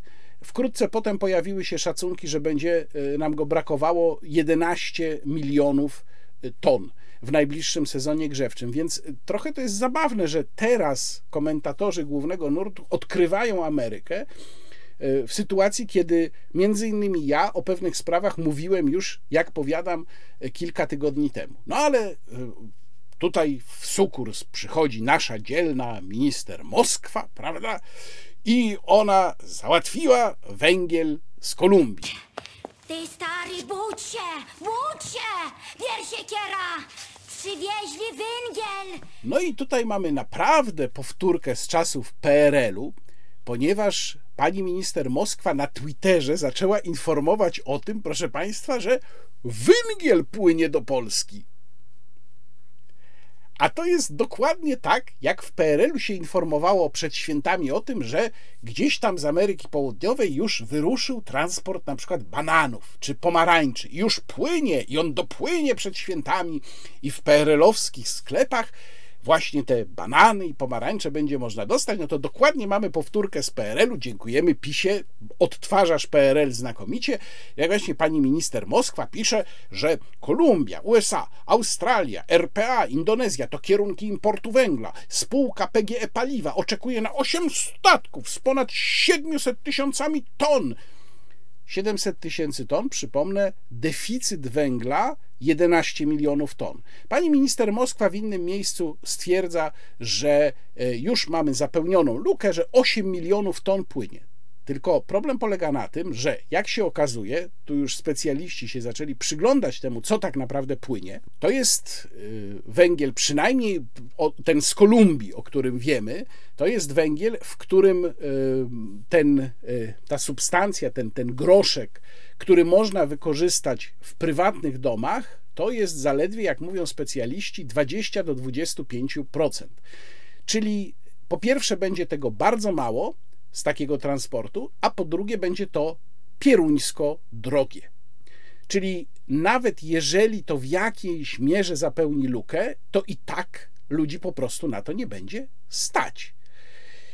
Więc yy, najbliższy sezon grzewczy będzie niezwykle interesujący, również oczywiście z punktu widzenia tych, co się na przykład gazem ogrzewają, ale przede wszystkim dla tych, którzy się ogrzewają węglem. I jestem niezwykle ciekaw, czy to w jakiś sposób wpłynie na notowania Prawa i Sprawiedliwości, bo ci ludzie, jak mówiłem już zresztą w poprzednich wideoblogach, ci ludzie, którzy właśnie korzystają do ogrzewania z węgla, to jest w dużej mierze elektorat Prawa i Sprawiedliwości. Podobnie można sobie zadać pytanie, co z KPO, co z tymi y, rzeczami, które zostały zaszyte, przemycone w KPO, co z samym sposobem negocjowania KPO. Bo podsumowując ten y, temat, ten bardzo długi wątek, pierwszy wątek tego odcinka, muszę wskazać na sam sposób, w jaki to zostało załatwione. To jest moim zdaniem szczególnie bulwersujące. Bo co do y, zawartości poszczególnych punktów, możemy się spierać. Państwo wiedzą, że ja mm, kompletnie się nie zgadzam z y, wymuszoną promocją aut elektrycznych. Uważam, że to się po prostu na nas dramatycznie zemści, a zresztą chodzi tutaj o to, żeby po prostu ludziom odebrać pewnego rodzaju podmiotowość związaną z posiadaniem samochodu. Y, po to, żeby po prostu ludzi nie było stać na samochód. Ale to jest oczywiście już osobny temat. Można się co do tego spierać. Natomiast niemożliwa do zaakceptowania jest sytuacja, w której rząd za plecami obywateli uzgadnia listę kilkuset punktów do wykonania z Unią Europejską, i to podkreślam, rząd, który cały czas mówi, że dyktatu sobie nie damy narzucić, że nie będzie nam Unia Europejska mówiła, jak mamy żyć.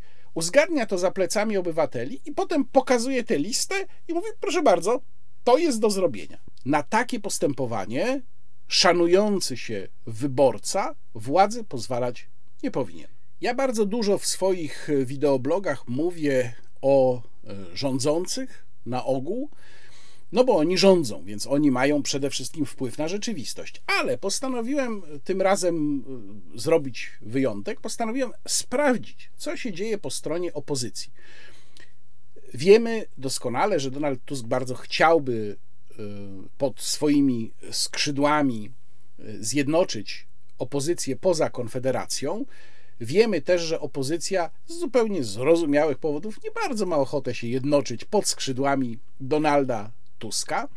No ale nadal głównym aktorem po stronie opozycyjnej pozostaje właśnie Tuskowa partia, czyli Platforma Obywatelska. No i Platforma Obywatelska miała taki Y, cykl spotkań. Donald Tusk bardzo dużo jeździł po Polsce i mm, w poprzedni weekend miał miejsce kongres programowy Platformy Obywatelskiej. No i ja sobie pomyślałem, dobrze, no kongres programowy, no to przecież na tym kongresie programowym jakieś zręby programu się pojawią i warto się przysłuchać temu, żeby potem Państwu to zrelacjonować. E, Trwała ta impreza półtorej godziny. Ja całą obejrzałem. Proszę znów docenić moje poświęcenie, choć przyznaję, obejrzałem y, w przyspieszonym tempie. I ja właściwie nie mam Państwu nic do powiedzenia. Zrobiłem z tego skrót. Zrobiłem z tego skrót, który za chwilę Państwu pokażę. Skrót z półtorej godziny trwa 15 minut. I też proponuję, żeby go Państwo, tak jak już proponowałem w przeszłości przy wystąpieniu pana prezydenta Andrzeja Dudy, żeby go Państwo przyspieszyli troszeczkę. Natomiast starałem się w tym skrócie umieścić wszystkie konkretne elementy, które na tej konwencji padły. Ale gdybym tak naprawdę zrobił skrót, w którym wyłącznie skupiłbym się na tych konkretnych elementach, czyli że coś konkretnego mamy w planie zrobić, już nawet nie mówiąc o tym jak, ani za co, tylko że coś konkretnego, to właściwie ten skrót miałby 4 minuty, może 5. On jest dłuższy, dlatego że chciałem Państwu pokazać, robiąc go, jaka była atmosfera na tym kongresie.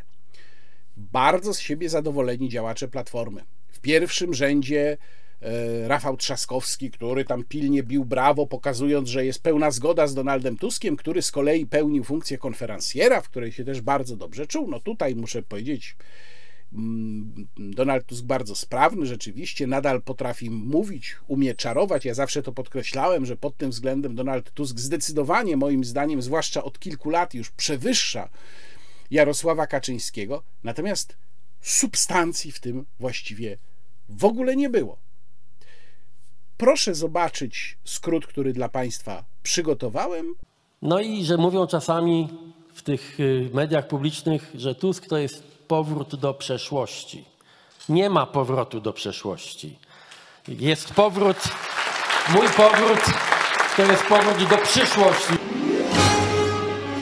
Że użyję filmowego porównania, wiecie o czym, o czym mówię i o tym powrocie do przyszłości. Będziemy dzisiaj rozmawiać, a ja będę głównie słuchał. Zacznie to spotkanie Aleksandra Gajewska. Mam dla Was, cyniczni, pisowscy karierowicze, złą wiadomość. Razem jest nas wystarczająco dużo i nie pozwolimy poniżać ludzi. Nie pozwolimy wykluczać ze wspólnoty nikogo, bo w naszej wspólnocie jest miejsce dla wszystkich tych, którzy chcą się w Polsce uczyć, chcą się kształcić, żeby tu zostać, żeby tu pracować, planować swoją przyszłość. Dla tych, którzy chcą tu pracować, chcą założyć rodziny, mieć dzieci, rozkręcać swoje własne firmy. Jest miejsce dla nauczycieli, jest miejsce dla szewców i dla informatyków, panie premierze Morawiecki. Nasz program nie powstaje w stołecznych gabinetach. To wy mówicie nam, co was boli, co jest dla was ważne, co chcecie zmienić i jak razem możemy to zrobić. I wiecie co? Dla nas na tych spotkaniach ważny jest każdy głos, każde uściśnięcie dłoni, każdy uśmiech i te czasami również łzy, które się na spotkaniach pojawiają. Bo to ma wszystko jeden wspólny mianownik, jeden wspólny apel. Przestańcie nas dzielić. Zacznijcie nas wspierać. A czym innym, jak nie napędzanie takich problemów lękowych i depresji, jest wzrost rat kredytu o 100%, czy wzrost cen energii o 40-50%? Kto im to funduje? Dlatego musimy realnie pomóc Polkom i Polakom i pomożemy. Mamy na to rozwiązanie. Wrócimy do oprocentowania z grudnia 2021 roku i zamrozimy to oprocentowanie na dwa lata dla tych wszystkich, dla których mieszkanie bądź dom są pierwszym podstawowym miejscem zapewnienia swojego bytu. Sektor bankowy jest w stanie sfinansować ten koszt. Wiemy doskonale, że sektor finansowy, sektor bankowy jest dziś w doskonałej kondycji. I banki doskonale wiedzą, że pomagając przejść Polakom tak trudny okres, powodują, że nie wpadną w jeszcze gorsze kłopoty, nie doprowadzą do ich niewypłacalności i do ich bankructw. Tak naprawdę pomagają też sobie. Nie pozwolimy na oszukiwanie Polaków. Chcemy, żeby każda Polka i każdy Polak mógł nazywać Polskę swoim domem. To, co było naszym marzeniem, ja pamiętam, to- było moje marzenie, kiedy wzięliśmy ślub z Małgosią i marzyliśmy o mieszkaniu, chociaż to były marzenia zupełnie nierealne, no, to było 40 lat temu ponad. I je- jednym z, jedną z takich wielkich motywacji wówczas, kiedy byliśmy młodzi kiedy pierwszych 8 lat po ślubie z naszym synem mieszkaliśmy na 13 metrach kwadratowych. To było fajnie, nie, nie, nie pięk, wspominam te piękne czasy, chociaż trudne, z rozrzewnieniem. No ale wtedy to, co było najbardziej dotkliwe, to takie poczucie, że całe życie mogę pracować. Ja właśnie na Śląsku między innymi wylądowałem, pracując wtedy na tych konstrukcjach wysokościowych i w Jaworznie i w Katowicach, bo marzyłem o tym, że zarobię na to mieszkanie, chociaż bo nieźle się wtedy zarabiało y, na tych, tych, na tych pracach wysokościowych, no ale i tak musiałbym gdzieś 25 lat pracować i odkładać, żeby sobie kupić. I to ta motywacja, żeby Polska była inna, że wolność, pokonanie komunizmu to między innymi po to, żeby mieszkanie nie było czymś kompletnie poza zasięgiem ludzi. I to się zaczęło nam powoli, powoli udawać. Przez te 30 lat y, mieszkanie nie było wyłącznie obiektem nierealistycznych marzeń, tylko stało się no, czymś realnym, chociaż wymagającym oczywiście ciężkiej pracy. No, rządy PiSu doprowadziły do tego, że tak na zdrowy rozum, jak ja nie znam cen w Warszawie, Rafał będzie wiedział lepiej, ale, ale no w moim Sopocie fakt, że to jest drogie miasto, no ale to trzeba dzisiaj zapłacić, nie wiem, 15 tysięcy za metr kwadratowy? No weźcie, weźcie młode małżeństwo, no niech mają 100 tysięcy razem rocznie y, y, netto, czyli dobrze zarabiający. To ile oni musieliby odkładać, żeby kupić, nie wiem, 30-metrowe mieszkanko? Monika Wielichowska. Drożyzna uderza w nas wszystkich. Boli tych, którzy kupują chleb, masło, tankują paliwo. Boli tych, którzy kupili mieszkanie i teraz trudno jest im związać koniec z końcem. Boli także tych, którzy wiele sobie odmawiali, żeby wykształcić i puścić dzieci na studia, żeby uzbierać na remont mieszkania, czy pójść do lekarza specjalisty. Nam nie chodzi o chronienie milionerów i ich majątków. Nam chodzi o ciężko pracujące rodziny, polskie rodziny, które widzą, że z miesiąca na miesiąc wystarcza im na coraz mniej. I wiecie co? Po prostu szlak mnie trafia i krew mnie zalewa, kiedy słyszę o tym, że polski rząd tak naprawdę do spółki z polskimi biskupami mówi do nas dzisiaj, wy nie jesteście rodziną. I ja się pytam, do cholery, znaczy kim my jesteśmy? Kim są te dwa miliony rodziców i ich dzieci, jeśli my nie jesteśmy rodziną? I myślę sobie potem, że w sumie skąd oni tak naprawdę mogą wiedzieć, jak wygląda taka prawdziwa, żywa, realna rodzina? Znaczy, kto miał ich tego nauczyć, powiedzcie? Myślałam sobie, że może Kurski, bo on ma talent, on po prostu wziął, on, on jest na luzie, on unieważnił całą swoją poprzednią rodzinę razem z dziećmi, tak w obliczu Boga, po prostu wymazał, po to tylko, żeby e, w obliczu kamer mieć drugą, właśnie taką prawdziwą, taką rodzinę, jaką oni, jaką, jaką oni mają za wzorzec, nie wiem, jakichś po prostu biblijnych przypowieści. Czy to Kurski miał powiedzieć, jaka jest rodzin, prawdziwa rodzina, no bo nie wiem, kto jeszcze mógł, może Kaczyński, może biskup Jędraszewski, a oni nam to robią, słuchajcie, bo Polska rządzona przez PiS stała się krajem bezpiecznym i przyjaznym, ale dla Mejzy, dla Obajtków i dla innych ludzi władzy. A my nie zgadzamy się na dzielenie polskich rodzin według żadnych kategorii. W ogóle nie zgadzamy się na sortowanie ludzi, na dzielenie rodzin na lepsze i gorsze. Dlatego przywrócimy pełną ulgę podatkową. Y, Teraz człowiek niespodzianka. Jak, wie to w- w tak wielowymiarowy sposób. Y, Ja właściwie wystarczy, że powiem Franek Sterczewski.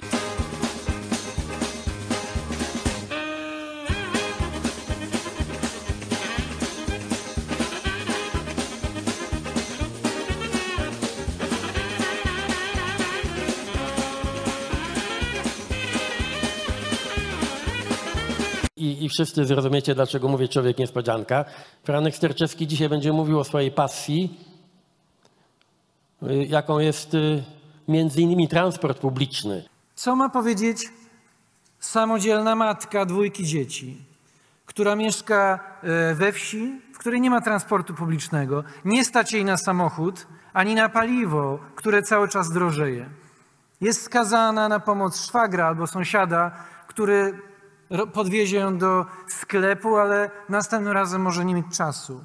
Za rządów PiS zlikwidowano 230 tysięcy linii autobusowych i nie wybudowano ani jednej nowej linii kolejowej.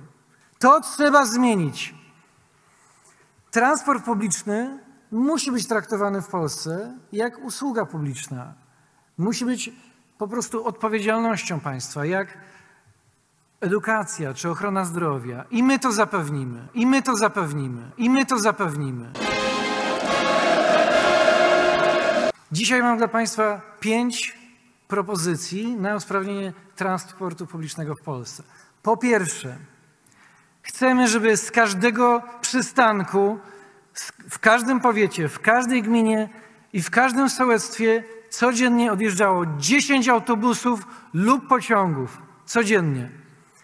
Już słyszę te głosy, że to niemożliwe, że nas nie stać, że to science fiction. Przyszłość jest w Lipnie. Codziennie z całego powiatu do właśnie Lipna dojeżdża 15 linii autobusowych. Z każdego przystanku odjeżdża 20 autobusów dziennie. Mamy taki zamiar, żeby stworzyć standard, żeby w każdym samorządzie w Polsce właśnie obowiązywał e, przynajmniej obowiązywało przynajmniej połowa tego, co w Lipnie. Czyli chcemy stworzyć ustawę, która zagwarantuje, że z każdego przystanku w Polsce codziennie odjedzie 10 kursów, cały tydzień, cały rok. Ale oczywiście poza tym, że wymagamy, oferujemy wsparcie dla samorządów. Dlatego po drugie zaplanowaliśmy Polski Fundusz Transportu Publicznego. PiS obiecywał 800 milionów w ramach e, PKS. I co wyszło jak zwykle w pierwszych latach, mało kto na to skorzystał. My proponujemy 3 miliardy złotych funduszu, który zagwarantuje samorządom przynajmniej 50% e, kosztów na przejazdy. Dalej po trzecie, przekształcimy PKP, Polskie Linie Kolejowe, ze spółki handlowej w agencję rządową. Po czwarte, wszystkie linie kolejowe o znaczeniu lokalnym przekażemy samorządom wojewódzkim. Koniec z wielkimi inwestycjami, koniec z centralnym portem komunikacyjnym, koniec z wyrzucaniem pieniędzy w błoto. Po piąte, uspójnimy system zniżek i ulg po to, żeby każdy jadąc z punktu A do punktu B mógł kupić bilet wspólny na, swój, na swoje województwo, na, e, na teren całego państwa. Dlatego złożyliśmy projekt ustawy o powołaniu specjalnego funduszu wynagrodzeń, z którego sfinansujemy 20% podwyżki dla pracowników sfery budżetowej, zarówno tej centralnej, jak i samorządowej. My tutaj nie jesteśmy po to, żeby wrócić do jakiejś wojny z pisem z przeszłości. My jesteśmy tutaj po to, żeby Polska przyszłości wyglądała inaczej niż wygląda w tej chwili. Dzisiejsze głosy to są mocne sygnały, o co tak naprawdę chodzi Platformie Obywatelskiej. Za tymi sygnałami, za tymi też bardzo poruszającymi yy, chwilami, głosami i wystąpieniami kryją się też miesiące ciężkiej pracy. Nie będziemy zanudzać tutaj tysiącami analiz, prognoz i konkretnych projektów, ale one są gotowe. To jest absolutny fundament przyszłości, no na przykład ta lekcja klimatyczna. Kto podniósł krzyk? Dzisiaj to już, jest, dzisiaj już właściwie nie ma nikogo rozsądnego, kto by kwestionował problem katastrofy klimatycznej, która jest za progiem, jeśli nie zmienimy tego świata. Ale kto pierwszy podniósł krzyk? Okej, były grupy jakichś ekspertów, ale kto ich tam słuchał? I nie było ich tak wielu. Młodzi, najmłodsi ludzie wyszli na ulicę i uzmysłowili nam, że oni nie chcą, aby, aby na nich spadła odpowiedzialność za świat przez nas zniszczony, zepsuty. How dare Więc w miejsce tego ponurego gabinetu cieni, który rządzi Polską, my chcemy powołać tę drużynę przyszłości. Ludzi w, różnych, w różnym wieku, o różnych kompetencjach, energicznych, z marzeniami. I bardzo bym Was prosił, żebyście jakby tę intencję, to marzenie ponieśli też dalej. Ciekawostka całej tej imprezy jest taka, że jedyną osobą, która miała przygotowany jakiś konkret, był człowiek od niebieskiej torby Ikei, Franciszek Sterczewski. No ja to muszę uczciwie przyznać. Wiedzą Państwo, że ja absolutnie nie jestem wielbicielem Franciszka Sterczewskiego. Uważam go za postać raczej groteskową. No ale tutaj przyznaję, że Franciszek Sterczewski był jedyną osobą na tej imprezie, która wyszła na mównicę z jakimś konkretem. Ten konkret oczywiście nie był specjalnie mądry, bo te deklaracje, te pomysły, które tam prezentował Franciszek Sterczewski, na przykład zupełnie pomijały kwestię tego, że w bardzo wielu miejscach w Polsce transport jest zapewniany przez firmy prywatne. Więc nie da się na przykład zrobić tu jednego wspólnego biletu, nie da się tutaj zrobić jednego systemu ulg. No są takie miejsca w Polsce, na przykład jedno z moich ulubionych, okolice Wisły w Beskidzie Śląskim. Tam są wyłącznie prywatne firmy, które jeżdżą między tymi miejscowościami, chociaż nie, może jakiś PKS też jest, ale on, on właściwie pełni rolę marginalną. Głównie te prywatne firmy wożą ludzi. No to tutaj tych pomysłów y, Franciszka Sterczewskiego się nie da zrealizować. Poza tym przecież Platforma Obywatelska i zwłaszcza sam pan Sterczewski są zwolennikami tego, żeby właśnie ograniczać transport samochodowy. No, jeżeli e, ten transport samochodowy jest alternatywą dla praktycznie nieistniejącego transportu zbiorowego, no to chyba nie należałoby uderzać w tradycyjne samochody, prawda, panie Sterczewski? Ale mówiąc to wszystko, znów muszę podkreślić, no to był jedyny człowiek, który wyszedł na tę mównicę i miał jakieś tam punkty przygotowane. Proponujemy to, to, to i to. Owszem, znów nie wiadomo skąd to finansować. Oni w ogóle w żadnym momencie, nawet jak tam mówili o tym, że coś tam zrobią w tych kilku miejscach, to oczywiście nie mówili za co, nie mówili jak. Generalnie rzecz biorąc, to jest obraz nędzy i rozpaczy. To znaczy, yy, mamy rządzących, którzy podkładają się praktycznie na każdym kroku, którzy doprowadzili swoimi działaniami przez kilka lat do tego, że mamy yy, inflację właściwie już galopującą, bo to tak trzeba powiedzieć. O tym, że jej źródło yy, nie leży wyłącznie w wojnie czy polityce surowcowej Putina, to już mówiłem w poprzednich wideoblogach, nie muszę się tutaj powtarzać. I mamy główną partię opozycyjną, która Y, w trakcie swojej półtora godzinnej imprezy poświęca przynajmniej 90% czasu na to, żeby opowiadać nam, jak źle rządzi PiS. No, panie i panowie, my to wiemy, że oni źle rządzą, a teraz czekamy na wasze propozycje. Co wy proponujecie? Jak Państwo wiedzą, bardzo ważne są dla mnie tematy związane z y, wolnością słowa. I dlatego mówiłem między innymi o tym, że zablokowany został, ocenzurowany tak naprawdę został za sprawą działania najprawdopodobniej polskich służb specjalnych przy wykorzystaniu e, zapomnianego do niedawna e, artykułu z prawa telekomunikacyjnego, e, kanał, strona telewizji w Realu 24 Marcina Roli. W tym wszystkim, w tych wszystkich zabiegach tak naprawdę cenzorskich, bardzo negatywną rolę odgrywa minister w kancelarii premiera, który zajmuje się tam cyfryzacją, bo przypomnę, że resortu cyfryzacji my już nie mamy. Te kompetencje zostały właśnie przeniesione do kancelarii premiera. Janusz Cieszyński, wcześniej w Ministerstwie Zdrowia, co pewnie wielu z Państwa pamięta, bo tam odgrywał specyficzną rolę w kontekście mm, między innymi zakupu respiratorów. Otóż Janusz Cieszyński, który na początku wojny na Ukrainie nawoływał Twitter do tego, żeby zablokował konto Marcina e, Roli, udzielił obszernego wywiadu wirtualnym mediom. I ponieważ nie zawsze w swoich mm, filmach e, muszę się zajmować newsami, od tego są kanały newsowe, a czasem warto właśnie przyjrzeć się temu, co przedstawiciele władzy mają do powiedzenia w takich kluczowych sprawach, bo to może nam powiedzieć dużo, w którą stronę rzeczy się w Polsce potoczą. Dlatego sięgam po wywiad z ministrem Januszem Cieszyńskim na portalu Wirtualne Media. Link do wywiadu oczywiście w opisie filmu i chciałbym Państwu tutaj zacytować kilka kluczowych e, kwestii, które się w tym wywiadzie pojawiają. Po pierwsze, ja dopiero z tego wywiadu dowiedziałem się, że kilka tygodni temu premier spotkał się z dziennikarzami i influencerami w sprawie walki z dezinformacją. Dlaczego o tym spotkaniu nie było nic więcej wiadomo? Kto został na nie zaproszony? Jaki był klucz doboru ludzi na to spotkanie? Nie mam pojęcia, e, no ale rozumiem, że e, zostali zaproszeni tylko ci słuszni influencerzy i dziennikarze, ci niesłuszni nie zostali zaproszeni. E, co od tamtej pory zrobiono w rządzie w tym kierunku? Pada pytanie. No i między innymi odpowiada tak mm, Janusz Cieszyński.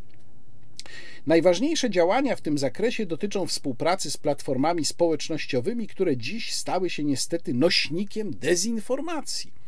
W naszej ocenie wciąż niewystarczająco walczą z tym zjawiskiem. Niedostatecznie szybko reagują na zgłoszenia dezinformacji, a tych, szczególnie w ostatnich tygodniach, jest bardzo dużo. Tu e, trzeba przypomnieć, że mamy spór w ogóle co do tego, co jest dezinformacją. Jak bardzo często nadużywane jest samo pojęcie fejka czy nieprawdziwej informacji.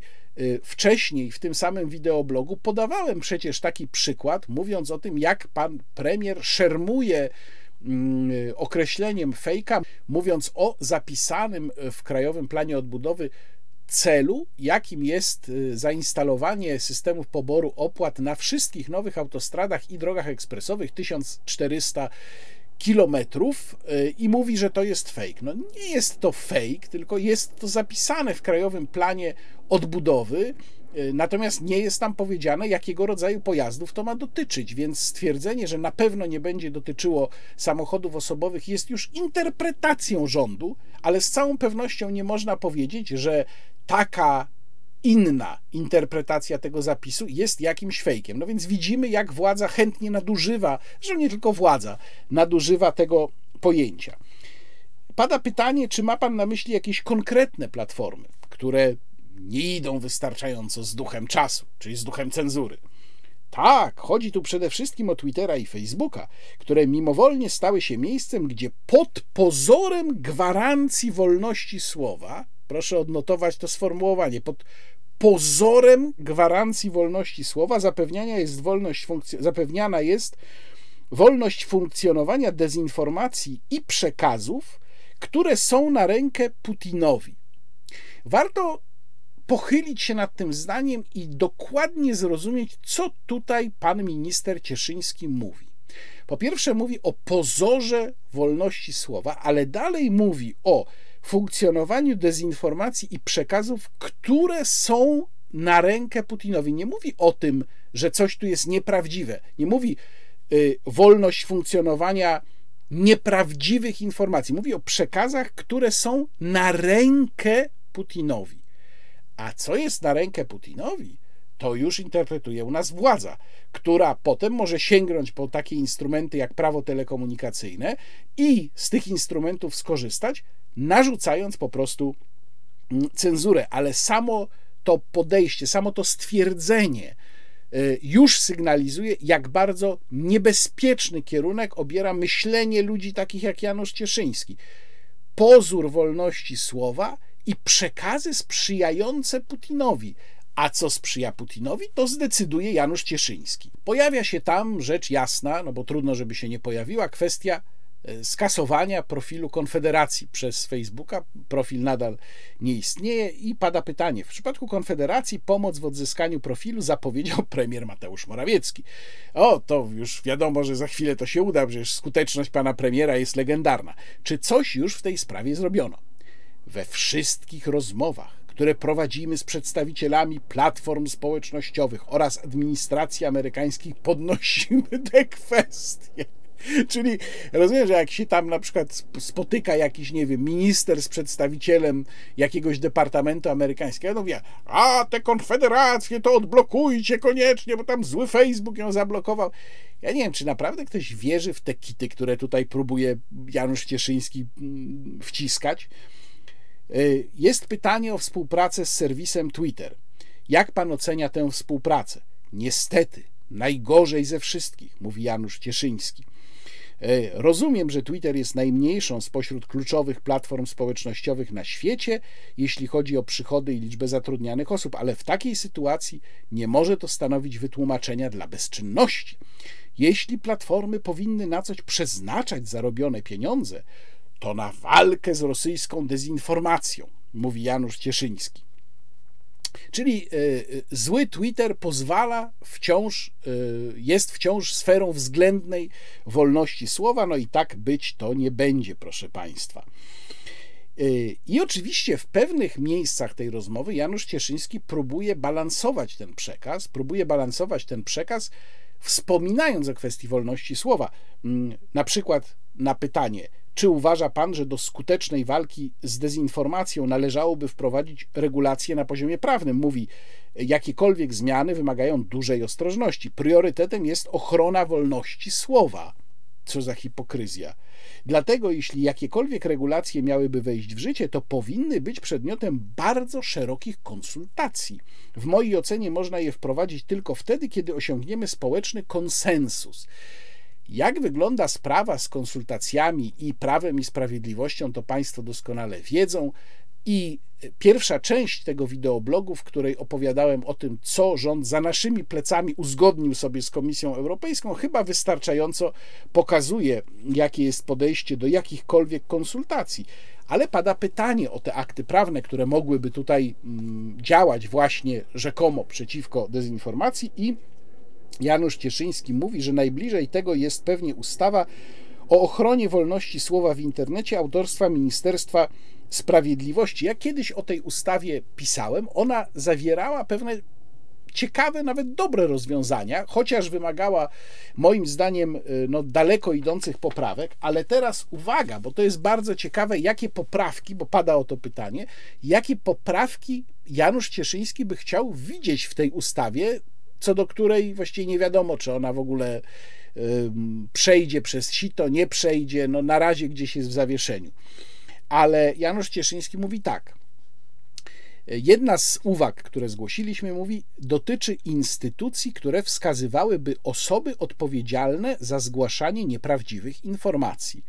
Chcemy, by były to podmioty, które posiadają odpowiedni mandat społeczny, na przykład samorządy zawodowe, lekarski w ochronie zdrowia, to one wskazywałyby ekspertów, których rolą będzie zgłaszanie do Rady Wolności Słowa, co w ich ocenie jest dezinformacją, manipulacją.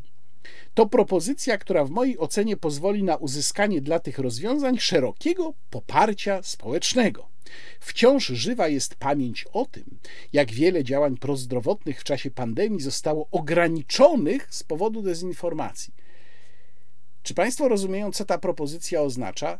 Naczelna Izba Lekarska, której poprzedni już prezes, pan profesor Mateja, mówił, że on będzie na przesłuchania wzywał lekarzy, którzy mają niesłuszną opinię, która to Naczelna Izba Lekarska do tej pory niektórych lekarzy prześladuje, próbując ich oskarżyć właśnie o manipulację, a tylko dlatego, że się nie zgadzali z obowiązującym głównym przekazem tego typu instytucje miałyby, zdaniem pana ministra Cieszyńskiego, dostać prawo do powoływania ekspertów, którzy by mogli zgłaszać, że ktoś dezinformuje lub manipuluje.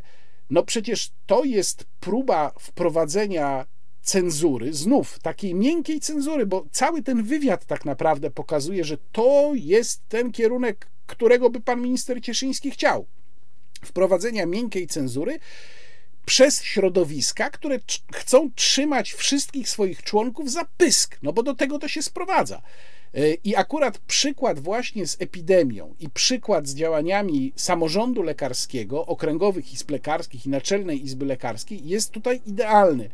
Y, to była patologia. Tylko, że nie patologia po stronie lekarzy, którzy się nie zgadzali z głównym przekazem, ale patologia właśnie po stronie samorządu lekarskiego.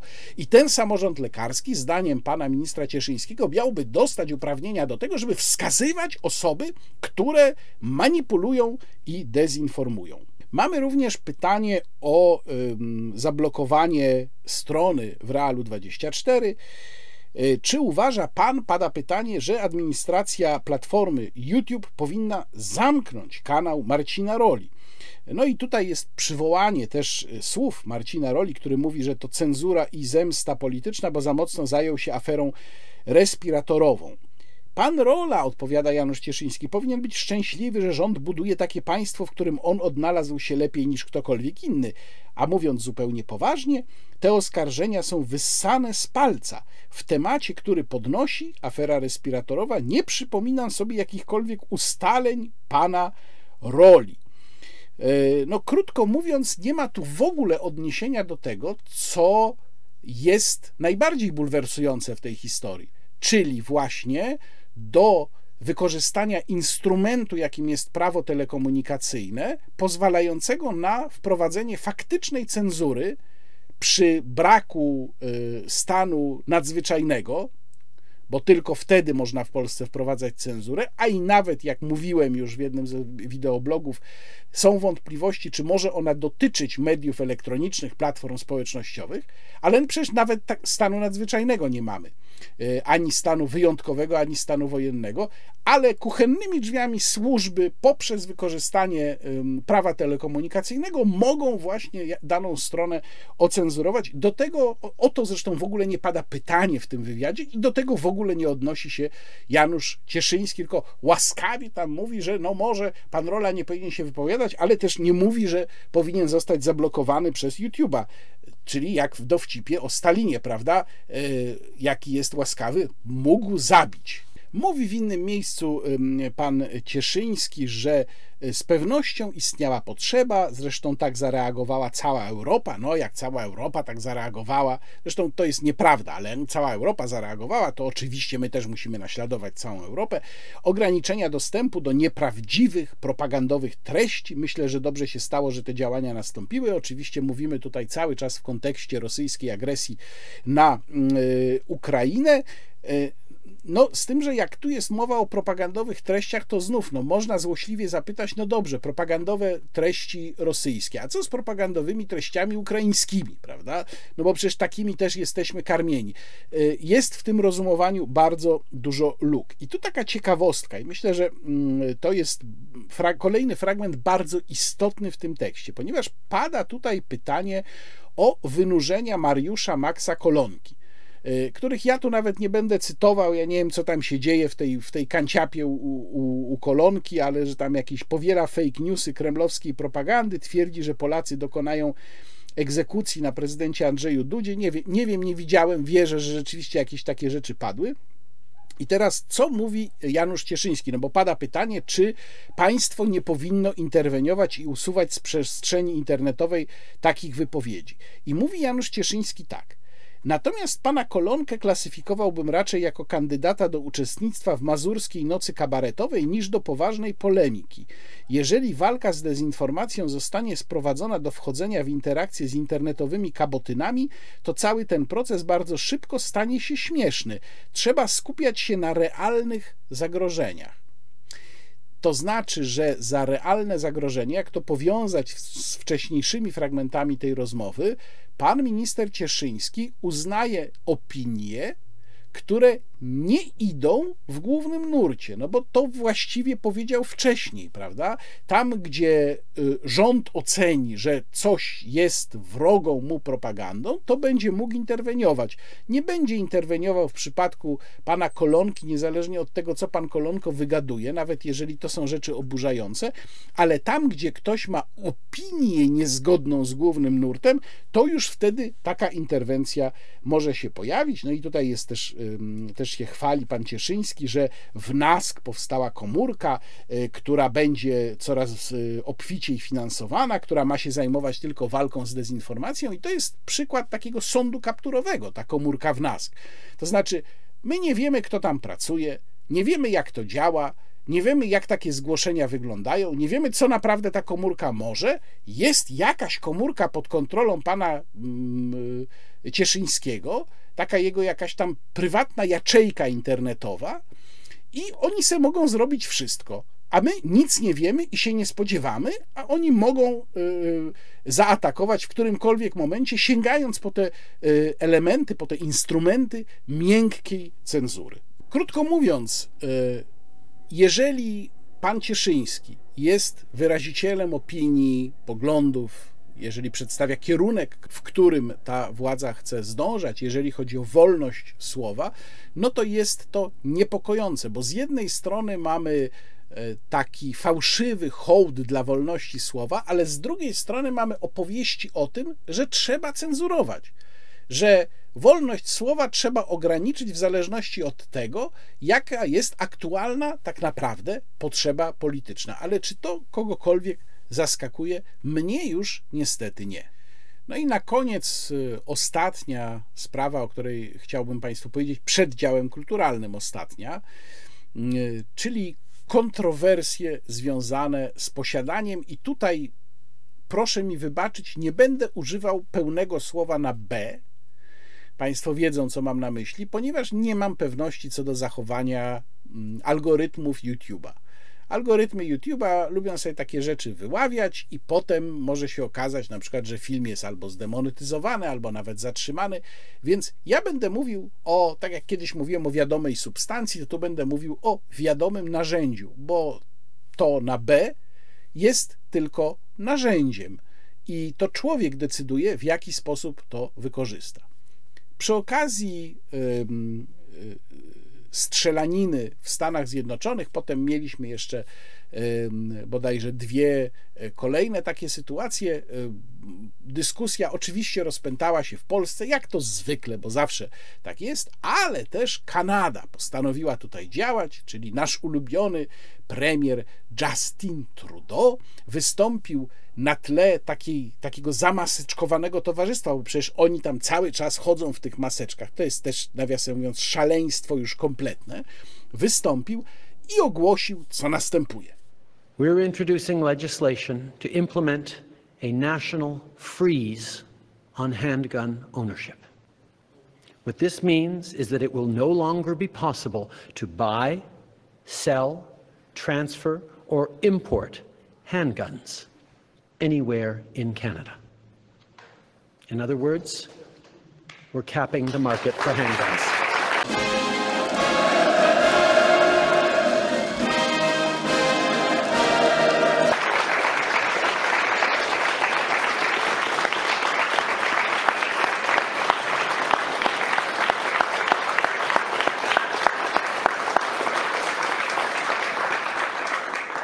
As a further part of this new legislation, we're also fighting gun smuggling and trafficking by increasing maximum criminal penalties and providing more tools for law enforcement to investigate firearm crimes. And will require the permanent alteration of long gun magazines so they can never hold more than five rounds. These are actions that doctors, experts, and chiefs of police have been calling for for years and we're acting on their advice.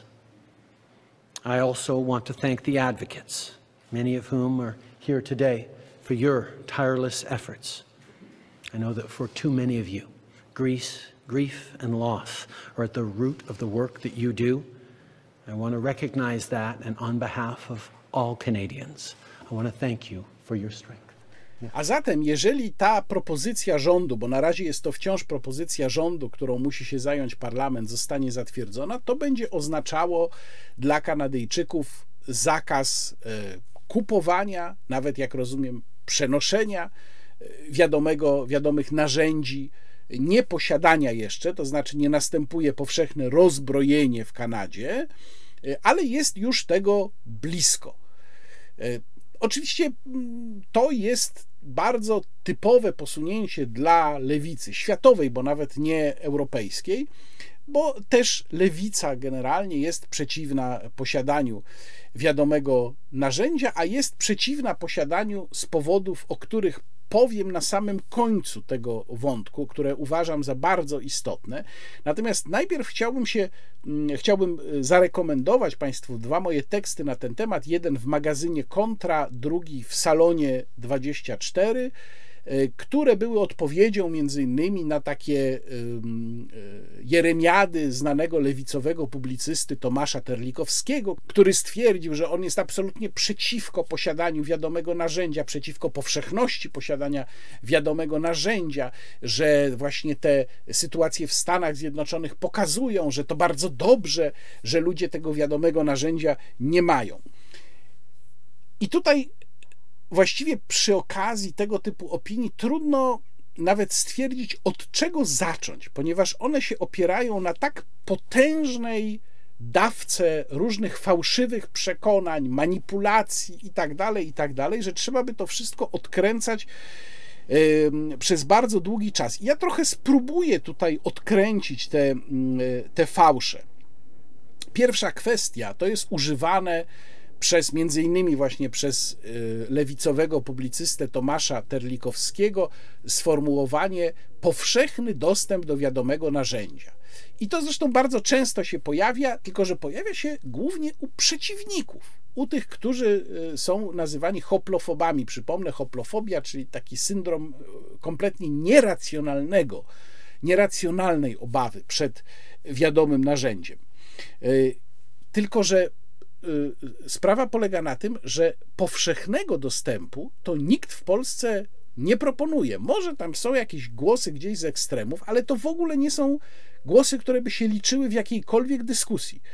Nikt nie proponuje powszechności w tym sensie, żeby można było wejść sobie do sklepu na rogu i tam na dowód osobisty kupić pistolet na przykład. No te, tego nikt w ogóle nie proponuje, ale to skąd się biorą takie głosy? One się biorą po, po pierwsze z demagogii i po drugie z kompletnej niewiedzy. Ludzie tacy jak Terlikowski nie mają zielonego pojęcia na temat obowiązującego w Polsce prawodawstwa, na temat rzeczywistości amerykańskiej, na temat propozycji nawet nie zerknęli do projektów ustawy, które ja omawiałem w jednym z ostatnich wideoblogów. Porównywałem ze sobą przecież projekt e, ustawy mm, e, republikanów z projektem Kukiza, e, ale ludzie tacy jak Terlikowski nie mają o tym pojęcia zielonego. No, podejrzewam zresztą, że oni w ogóle nie mają pojęcia o, o tym, o czym mówią. To znaczy, nie wiem, czy byliby w stanie rewolwer od pistoletu odróżnić. Czy to jest pierwsza sprawa. E, druga sprawa. Odnoszenie sytuacji amerykańskiej do sytuacji polskiej jeden do jednego. Nie można tego robić. Sytuacja amerykańska jest absolutnie specyficzna i z powodu amerykańskiej historii, i z powodu amerykańskiego prawodawstwa. I jeżeli chcemy się przyglądać sytuacji w Stanach Zjednoczonych, to musimy wziąć pod uwagę bardzo dużo czynników, których w Polsce nie ma.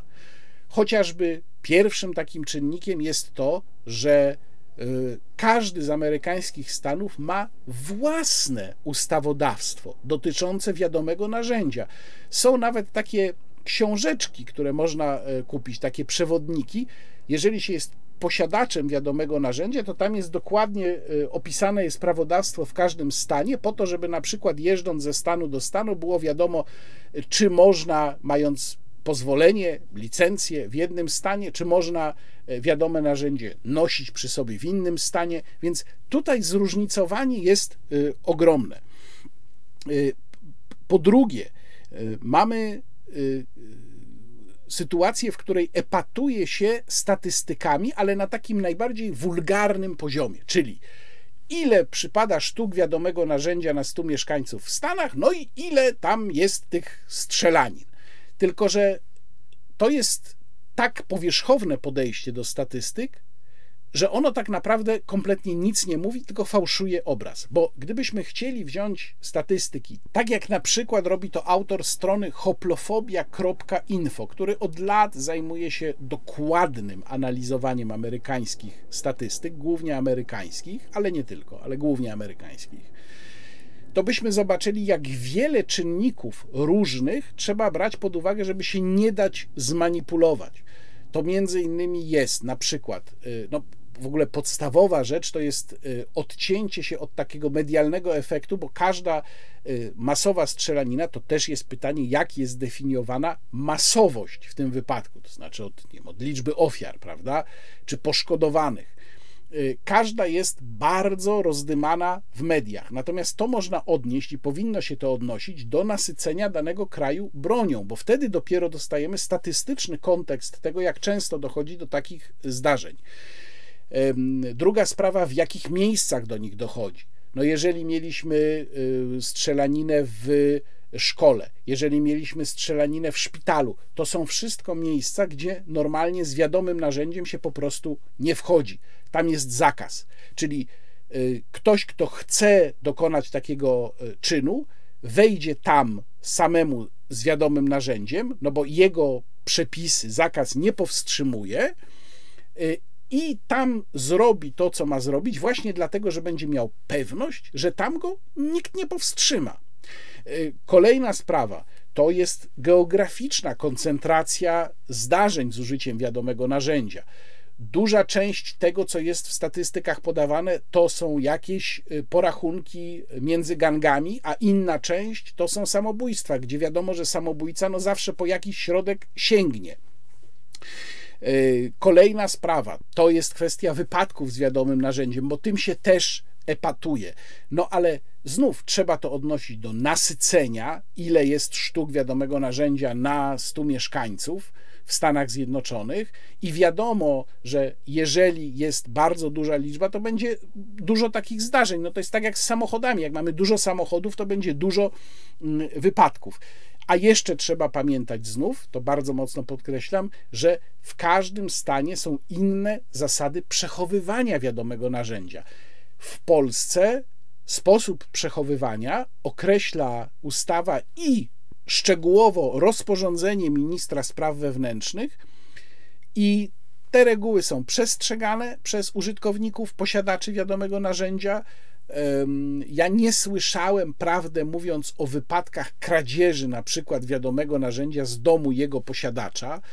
Musi być kaseta lub safe o klasie co najmniej S1, to wszyscy posiadacze wiadomego narzędzia wiedzą. To jest kontrolowane również przez dzielnicowych, więc to jest Polska to jest zupełnie inna rzeczywistość niż ta mm, amerykańska. Kolejna manipulacja amerykańskimi statystykami. Czasem się podaje w ilu przypadkach posiadacze wiadomego narzędzia byli w stanie, czy obronili się przed atakiem. No i pokazuje się, że o tych przypadków było tak mało w porównaniu z przypadkami, kiedy ktoś został zastrzelony przez bandytę. No tylko, że samoobrona nie zawsze polega na tym, że się kogoś zabija. Samoobrona y, za pomocą wiadomego narzędzia może polegać na tym, że się kogoś na przykład tylko zrani, a nawet, co się w Stanach Zjednoczonych bardzo często zdarza, na samym pokazaniu tego narzędzia, co już powoduje, że bandyta ucieka. I to bardzo często nie jest odnotowywane przez policję, no bo nie oddano strzału, tylko pokazano narzędzie. I to już w statystykach nie jest y, ujmowane. No i wreszcie nie rozróżnia się bardzo często liczby czynów, przestępstw dokonywanych z udziałem wiadomego narzędzia legalnie posiadanego i nielegalnie, co ma przecież absolutnie podstawowe znaczenie, bo wiadomo, że legalny mm, posiadacz no, na ogół się przejmuje zakazami. No, nie jest zwykle jednak bandytą. Natomiast bandyta i tak wejdzie w posiadanie wiadomego narzędzia i dokona za jego pomocą przestępstwa, jeżeli ma taki zamiar i ma to e, zrobić. Wreszcie, e, jeżeli mówimy o zróżnicowaniu przepisów w poszczególnych stanach, to one dotyczą również samego nabywania wiadomego narzędzia. Są takie stany jak Kalifornia, gdzie jest to bardzo e, ograniczone i tych wymogów jest naprawdę dużo, a są takie e, stany jak Arizona, gdzie ograniczeń jest bardzo niewiele. Natomiast jest jeden federalny wymóg, to jest wymóg e, tak zwanego background check, czyli sprawdza się, czy dana osoba była karana. Tylko, że on obowiązuje, kiedy w Stanach kupuje się wiadome narzędzie w licencjonowanym sklepie. Natomiast nie obowiązuje wtedy, kiedy się je kupuje od kogoś, albo kiedy się kupuje je na targach, bo to jest taka impreza, która też często w Stanach jest organizowana. W różnych Stanach oczywiście dużo jest takich targów w ciągu roku i tam już ta zasada nie obowiązuje.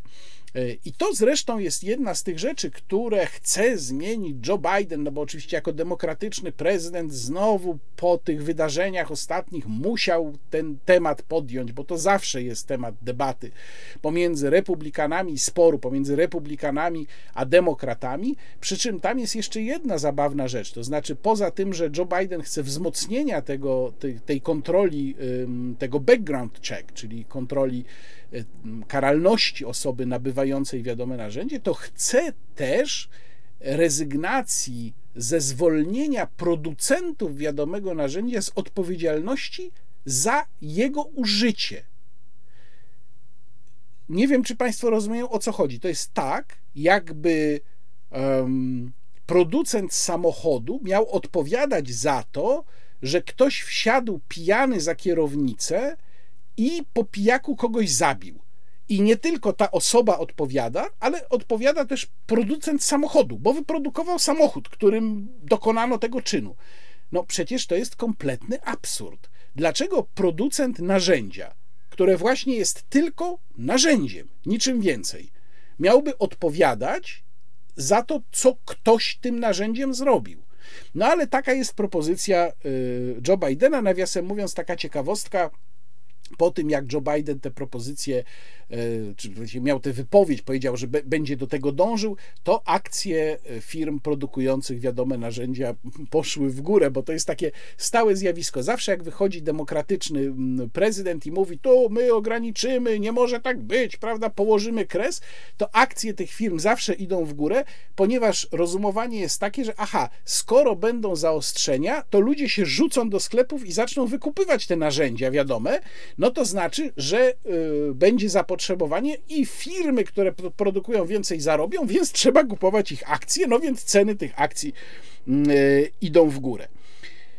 Kolejna sprawa, o której terlikowscy nie mają pojęcia, to jest jakość aktualnego polskiego ustawodawstwa. Ja trochę o tym mówiłem w tym wideoblogu, gdzie porównywałem projekty y, zmian ustaw, natomiast ono nie jest tak szczelne, jak niektórzy sądzą.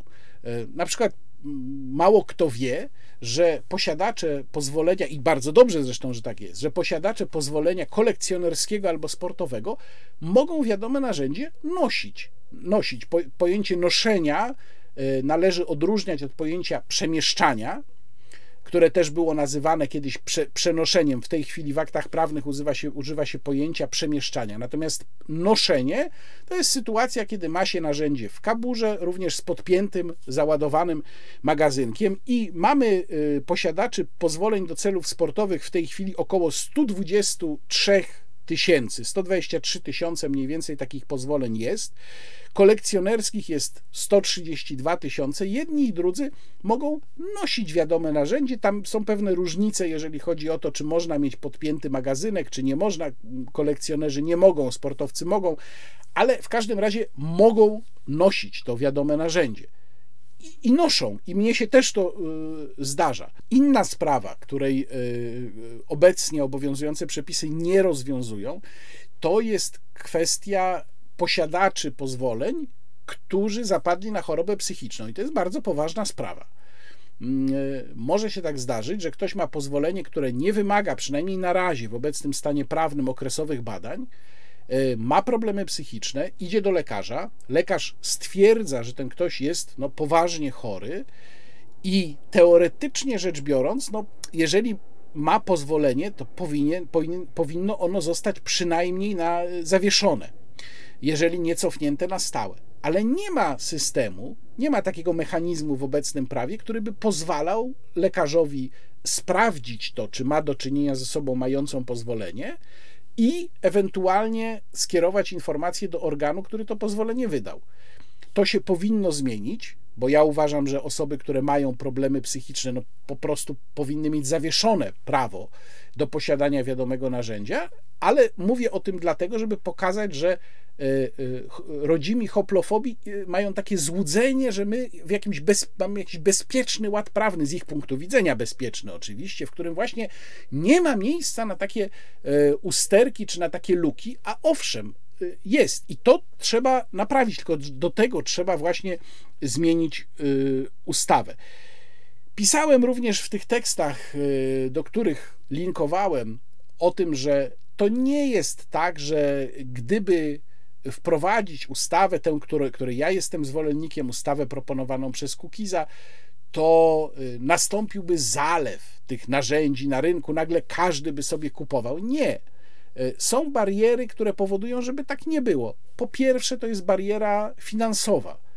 I podawałem przykłady w swoim tekście, ile kosztuje takie narzędzie zupełnie przeciętne, nie jakieś wyjątkowe. Ceny nowych się w tej chwili zaczynają właściwie od 3000 co najmniej. No to nie jest tak, że każdy to uzna, za, kto, kto będzie mógł, uzna to za produkt pierwszej potrzeby, popędzi do sklepu i od razu kupi. Tak to nie będzie wyglądało. Jest to również dziedzina ściśle koncesjonowana.